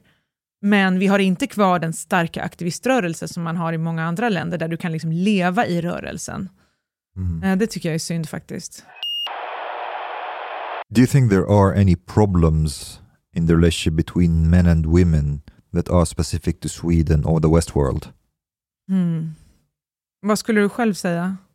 I would say there is, but I want to, to listen to your thoughts. Ja, nej, men det känns som att du redan har en, en tanke där. Ja, ja, det är Mm. min tanke, but, but I mean like I, I'm interested in knowing Mm, like mm. what Ja, men you säg, säg den först så ska jag se om jag känner igen den. Uh, all right. I think there is some kind of like um, I, I can feel that there is at least here in Sweden some sort of sex negativity that can remind me a little bit of sexual conservatism in Egypt. Oj då. Oh. Like, for example, I would say that something that has to do with trying to work, against like the sexualization or objectification of Mm. women Mm. that that has become a little bit of an overcorrection uh, that it became like a little bit like um, some kind of like shaming of the the sexual desire towards the female body in Mm-mm. general like for example i said this um, several times like if i would be in the street and with a group of friends and there's a woman that is passing Mm. and i look at her butt Mm. there's a lot of people who maybe would react that i'm i'm doing that Men Or- inte om du inte säger någonting. here and more people also would react if i say something Mm. even if i don't say to her if i would just say whoa Mm. what a fucking nice butt Mm. not to her Mm. you know there'll be a lot of people like whoa this is like you know a sexist, a sexist thing Mm. to say the same way there are like conservatives in egypt who would say like you know you're not supposed to show lust towards the the flesh Mm, mm, mm, you know what I mm, mean? mm, mm. um, and and I think that is kind of like confusing a lot of men in Sweden today. Hmm. Tycker ni också så? Mm, jag känner igen det. Att Ja. det är stigmatiserande när man kommenterar. På, på feministiska så blir det ju, inte din feminism, men en, Men alltså, jag vet inte vilka kretsar ni pratar om, men alltså, det är väl inte så många som tycker sådär. Really? Do you think like it would be o- Eller- unproblematic nej, to alltså, men här är det också det offentliga, det har med det offentliga utrymmet att göra, för här är det offentliga utrymmet privat och anonymt. Alltså du, när du går på gatan här så är du anonym och du är privat. Du har rätt till ditt privatliv. Och det, innebär, det har inte bara med män och kvinnor att göra, det har med det offentliga liksom, eh, staden att göra, hur vi ser på det. Det är inte så att liksom, här kan du bara gå fram och prata med vem som helst. Alltså det har du inte rätt till, liksom. för här går du så här och är Ja. helt anonym. Många kvinnor beskriver ju att eh, när man ser på svenska män kontra män med utländsk bakgrund så Mm. ser de ju en att de får en helt annan behandling. Männen med utländsk bakgrund har mycket lättare att komma fram, Mm. eh, tar initiativ, Mm. medan som jag uppfattade råder konsensus att man eh, är mycket mer försiktig Mm. med att gå fram, eller på nattklubbar restauranger. mm. Så här. Många kvinnor som du tänker kanske också är, fan, vart är alla killarna? Mm. Jag får, eh, inget, det är ingen som tar initiativ, Mm. inga raggar, ingenting. Det är mycket roligare när man är i typ Argentina. Mm. Jag förstår vad du menar. Alltså, det beror ju liksom på hur man hårdrar det, för att det är klart att så här, jag tror, det är inte kul för kvinnor att leva i ett samhälle där du går gatan ner och alla skriker och ropar hela tiden. Liksom. Absolut. Nej, But det är en överträdelse. Nej, och även, även, om, även om de säger liksom bland sig själva så känner man av det. Alltså du känner av när du går förbi en grupp killar och de kommenterar dig. Det, du märker vad de pratar om även om de pratar tyst och det kan kännas obehagligt. Eh, och det kan också vara ganska pinsamt. Liksom. Så att jag tror att, alltså på ett sätt tror jag många kvinnor tycker det är skönt att bara så här kunna gå på gatan och ingen tittar på dem, ingen tänker på någonting och sådär. But is, is it this because that they are afraid that there will be like sexual advances that are Nej, unwanted? nej, det är, eller? bara, det är bara jobbigt. Liksom. Det, det känns så här obehagligt. Det är liksom som att du blir självmedveten, du börjar tänka på så här hur du går och liksom... Ja. Och sen så om du har en kille så kan han bli svartsjuk och så säger han åh, alla tittar på dig, ö, ö, liksom, du borde inte gå ut överhuvudtaget. Alltså det kan ju leda till det också. Swedish men? Men nu tar jag ett så här exempel. Ja, alltså om du har ett sånt samhälle där du går på gatan och alla tittar och håller på, Mm. så leder ju det ofta till mindre frihet för kvinnorna därför att de blir sexualiserade när de går ut. Liksom. Sen kan jag hålla med om att i Sverige så är det generellt sett, och då menar jag inte bara män och kvinnor, jag menar alla pratar för lite med varandra, alltså i allmänhet. Mm. Ehm, Okay, Yeah. but another example, like something that got me into trouble here in the pod, Mm. When I talked about how I lost my virginity and that the girl put like the condom on my dick with her mouth, for Mm. example. Like some people reacted saying that this is like kvinnoförnedrande, and I was Uh-huh. like, what do you mean? Like this Uh-huh. was a consensual act, and it's like, Uh-huh. are you saying like oral sex är kvinnoförnedrande? men det eller? tror inte jag att så många tycker. Vem, vem sa det? Yeah, well, yeah. Du fick en kommentar och så tog du åt dig jättemycket. nej, nej, nej. Två kommentarer. Nej, nej, mer. Hur många var det då? Tre? Well, actually, it part like Han it, förlorar sitt jobb. ja, it contributed to me Oj. losing my job Och vad hade du för jobb? eh, på GAPF. Aha, och de Mm. tyckte att det här var inte bra sagt. Ja. Och vad sa de? Vad var anledningen liksom? Well, it's uh, kvinnoförnedrande, Mm. Sexistisk. sexistiskt. Ja, jag förstår. Men då måste jag, jag måste höra det här avsnittet, så måste jag se vad de har skrivit liksom, för att förstå kontexten. Ja, but, but it was that basically Ja, that, I, ja. that I talked about that. Ja. Men de tyckte inte det var förenligt med liksom, att du var talesperson för dem, eller? Uh, yeah, this this among other things, but this is one of the things that was Mm. brought up. One of Mm. the things that I said uh, that was brought up. Um, Okej. Och vad var det mer då? Det vill du inte säga kanske? Uh, well, there's things that Chang said for the most part, Mm. uh, and one one other time that I when I talked about being catfished on Tinder Mm. with a girl that had pictures like being like you know thin and like fit Mm. and so on, and then when we met, she Mm. was obese. Mm. So this was also something that you're commenting on women's body, Ja, jag förstår, jag förstår. Alltså, but jag- jag when it was the other way around, mm. like if it if it, if a woman was catfished on on Tinder. And like it was an obese man, nobody would have said that's like Jag sexist. förstår. Alltså, jag tror att om man tar alla de här, liksom, nu, jag känner inte till de här exemplen, jag vet inte vilken kontext det var eller någonting, så jag kan inte liksom kommentera på det, men jag tror att om man tar varje exempel för sig, så tror inte jag att någon tycker att det är något fel, egentligen. Kanske tyckte de att det var en del av en jargong som... Ja, kanske. Men, men det är, well, the, the substance of it is, is that. Mm. Like Det me, är en sorts objektifiering av Yes. kvinnor för att man nämner saker som har med en kropp att göra. Alltså, det beror lite på hur du säger det. Jag tror inte att så här, någon tycker, om du säger så här, åh jag tycker om snygga tjejer, tror inte jag att någon tycker men gud vad hemskt, det får du inte göra. Fast egentligen, om man säger så här, det är en överträdelse, men det är egentligen, så som jag försöker förstå eh, Omar, det är ju att från många män, det är att försöka ge en komplimang. Vet du vad som är svårt för kvinnor att navigera i samhället? Mm. Och i liksom ett globalt multikulturellt samhälle som vi har idag, där det finns massor av olika synsätt på saker och ting och massor av olika traditioner som samverkar. Och liksom, du vet inte alltid riktigt så här, vilket sammanhang den här personen rör sig i. Så att du kan vara så här, ja ah, det kan vara ett skämt, det kan vara ett skämt, det kan vara ett skämt. Och sen plötsligt befinner du dig i en situation där du undrar varför sa jag inte ifrån? Varför sa jag ingenting? Hjälp, nu har det gått för långt, nu går det inte att säga ifrån. Och sen säger alla, varför sa hon ingenting? Då var hon med på det. Det är jättesvårt som tjej att navigera i det. Och jag tror när det gäller så här, att komma fram och liksom eh, prata med tjejer på stan.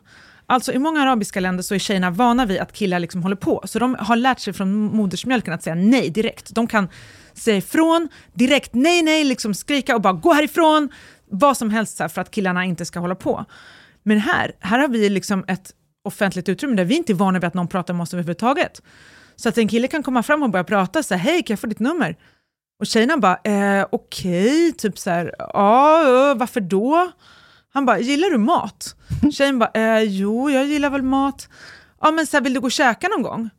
Och hon bara, eh, typ så här, eh, och vet inte hur hon ska säga nej, för ingen har lärt henne hur man försvarar sig mot sånt Hon kanske inte gillar honom.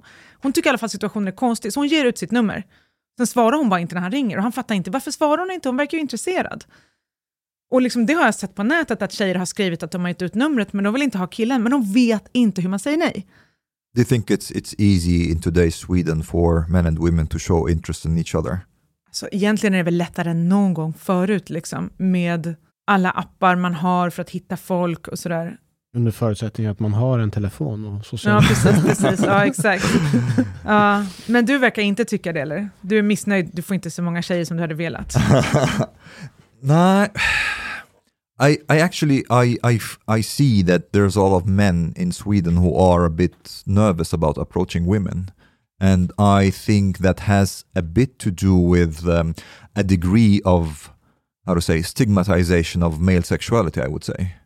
Men alltså, tror du att vi har ett stort problem med ensamma män i Sverige som aldrig liksom får gifta sig med någon? För det tycker inte jag. Det verkar ju ändå som att de flesta hittar någon till slut. Well, there are incels also. But, uh... Jo, men de är väl ganska unga. De kommer ju växa ur det där.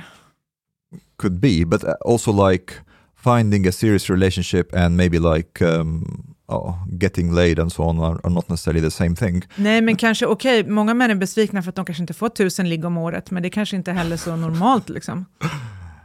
Okay, so de have... kanske har föreställt sig liksom att Åh, i Sverige där får man ligga med alla och sen nej, det fick inte jag och nej, det är problem med kulturen. Det kanske inte är det. Mm. Men köper du inte Omars resonemang att det är, alltså, det är väldigt sexnegativt? Jag tänker när du är ute och reser i andra länder. Mm. Jag tänker bara också, eh, idag är du väldigt finklädd och uppklädd, men jag tänker mig att de flesta kvinnor är inte på, eh, uppklädd på det här sättet här i Sverige. Och att det finns en skam i det. Nej, det tycker jag inte alls. Alltså att man klär upp sig för mycket och att andra kommer kommentera, andra tjejer framförallt kommenterar det för att man inte ska sticka ut så mycket. Alltså man... I så fall är det bakom ryggen så då är det ingenting som man märker eller behöver bekymra sig om. Jag, vet inte, jag skulle vilja vända det tillbaka till männen egentligen. Mm. Hela den issuen. Är det problemet hos männen? Ja. Så vi ska ta oss, ta oss, eh, ta, ta utrymme och ta Nej men alltså, det går tillbaka till det här om sexuell selektion. Mm. Alltså du kan inte bara förvänta dig att bara för att du är man, så vill, bara för att du är född med en viss uppsättning av kromosomer, så vill kvinnor vara med dig. Nej, of course not. Nej, Nej men, nu, men, men det är inte det. det. Det grejen är att nu premissen är ju ändrad så att männen ska ju, i, männen ska ju vara passiva för att det, det är skam, skamligt om man är mer framåt, man kommenterar, man ger komplimanger men, som alltså, uppfattas, långa blickar. Det tror inte jag att någon tycker, alltså om du gör det jag på ett smart och schysst sätt om du liksom, jag vet inte vilken situation du tänker dig, du liksom är på krogen eller jag vet inte vad du tänker dig. Ja, eller ta, den här, ta den här reklamen som var eh, företag, jag kommer inte ihåg vilket land det var, det var någonting med blicken. But, but att ett, ett längre blick, det var någonting som var fientligt. Ah, the male gaze, that, that is the expression, the male mm. gaze. Mm. Vad är det för något? like uh, basically that men can look at women in a sexualizing way oh. and this is something that's like criticized by a lot of feminists for example mm. and this is something that for me it's extremely sex negative mm. Men alltså, alltså grejen är att alla de här situationerna är hypotetiska, men liksom jag tror så här, om du är på krogen liksom, och du börjar prata med någon och säger så här, hej hur är läget? Liksom. Så säger hon så här, ja det är bra, och så pratar ni ett tag. Um, och sen liksom går du därifrån, så märker du om hon kommer till dig eller inte. Liksom. Om hon inte kommer till dig, um, då kanske du inte ska gå fram 500 gånger. Uh, och sen som hon inte vill dansa med dig så kanske du inte ska försöka med kompisen och sen med kompisen och sen med den kompisen och tänka så här, vad är felet? De är sexnegativa. Det kanske är liksom att ditt sätt att närma dig inte riktigt funkar. Nu säger jag inte att du gör så, men liksom, det är Nej, många killar som gör på det sättet. uh. Men, Nej, men faktiskt, jag tror många män som klagar på att de inte hittar en partner, eller så här, jag, jag har, det är få män jag stöter på som har problem med att hitta en partner eh, som inte har arbetat med sig själva. Du blandar ihop, inte hitta partner, men att Ja. kunna ens, eh, att det blir skambelagd att approacha. Att Nej, men den alltså, jag tror beteendet ingen blir... tycker det är fel om du säger så här på ett trevligt sätt, typ så här, tja hur är läget? Eller om du skriver Jag till någon och säger så här, "Eh, vill du ta en fika någon gång eller vill du ta en öl någon gång? Typ. Alltså ingen skulle hänga ut dig på nätet och säga vilken fruktansvärd människa. Det skulle ingen göra.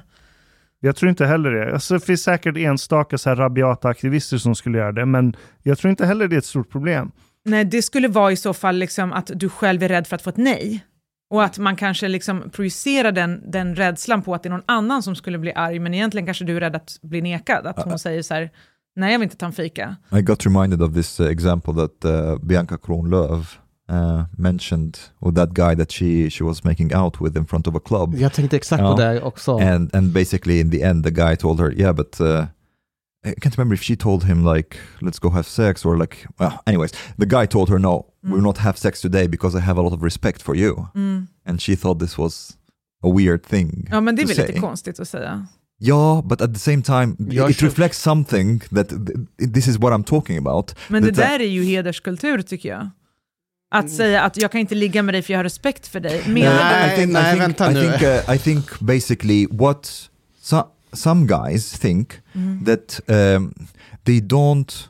This is what I mean about with an overcorrection. Some guys think that they should be very careful about sexualization, wim- uh, sex- uh, sexualizing women to the extent that they have to see the person first and give respect to the person and so on, and don't like see them as a sex object that they want just want to have sex with. Um, and I'm not saying that they should think that way, but I'm saying that there are guys who have gotten that impression and they act on it. Men det där är inte från feminismen, det där är snarare motsatsen skulle jag säga. För att tjejerna tycker ju så här, om de ligger med en kille, det är ju inte för att, alltså de förlorar inte respekten för killen för det. Det finns ingen motsättning i det.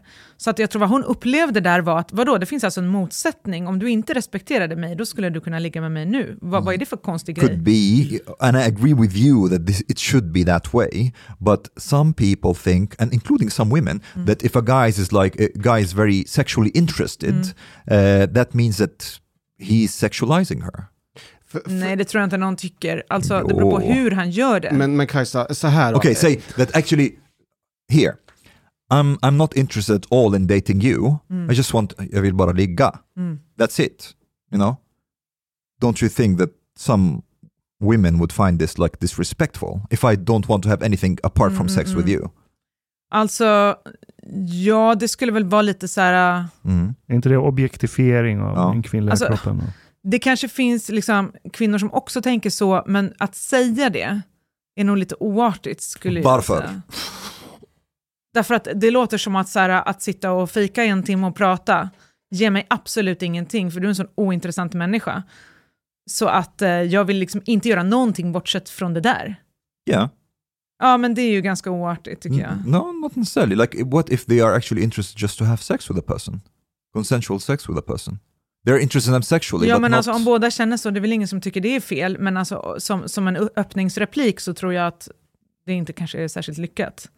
Men jag uppfattar i, den, eh, i en viss form av feminism så är det så att man, man strävar att kvinnan ska vara självständig, kvinnan ska ha lust och så. Mm. Men det är liksom, man har bara liksom, man kör bara på ett plan, att du ska ha lust och du ska vilja. Men den här delen att man ska själv vara sex, alltså att man ska vara sexig och snygg ut och vara attraktiv, den delen upplever jag att man, eh, eh, den är på något sätt borta i ekvationen.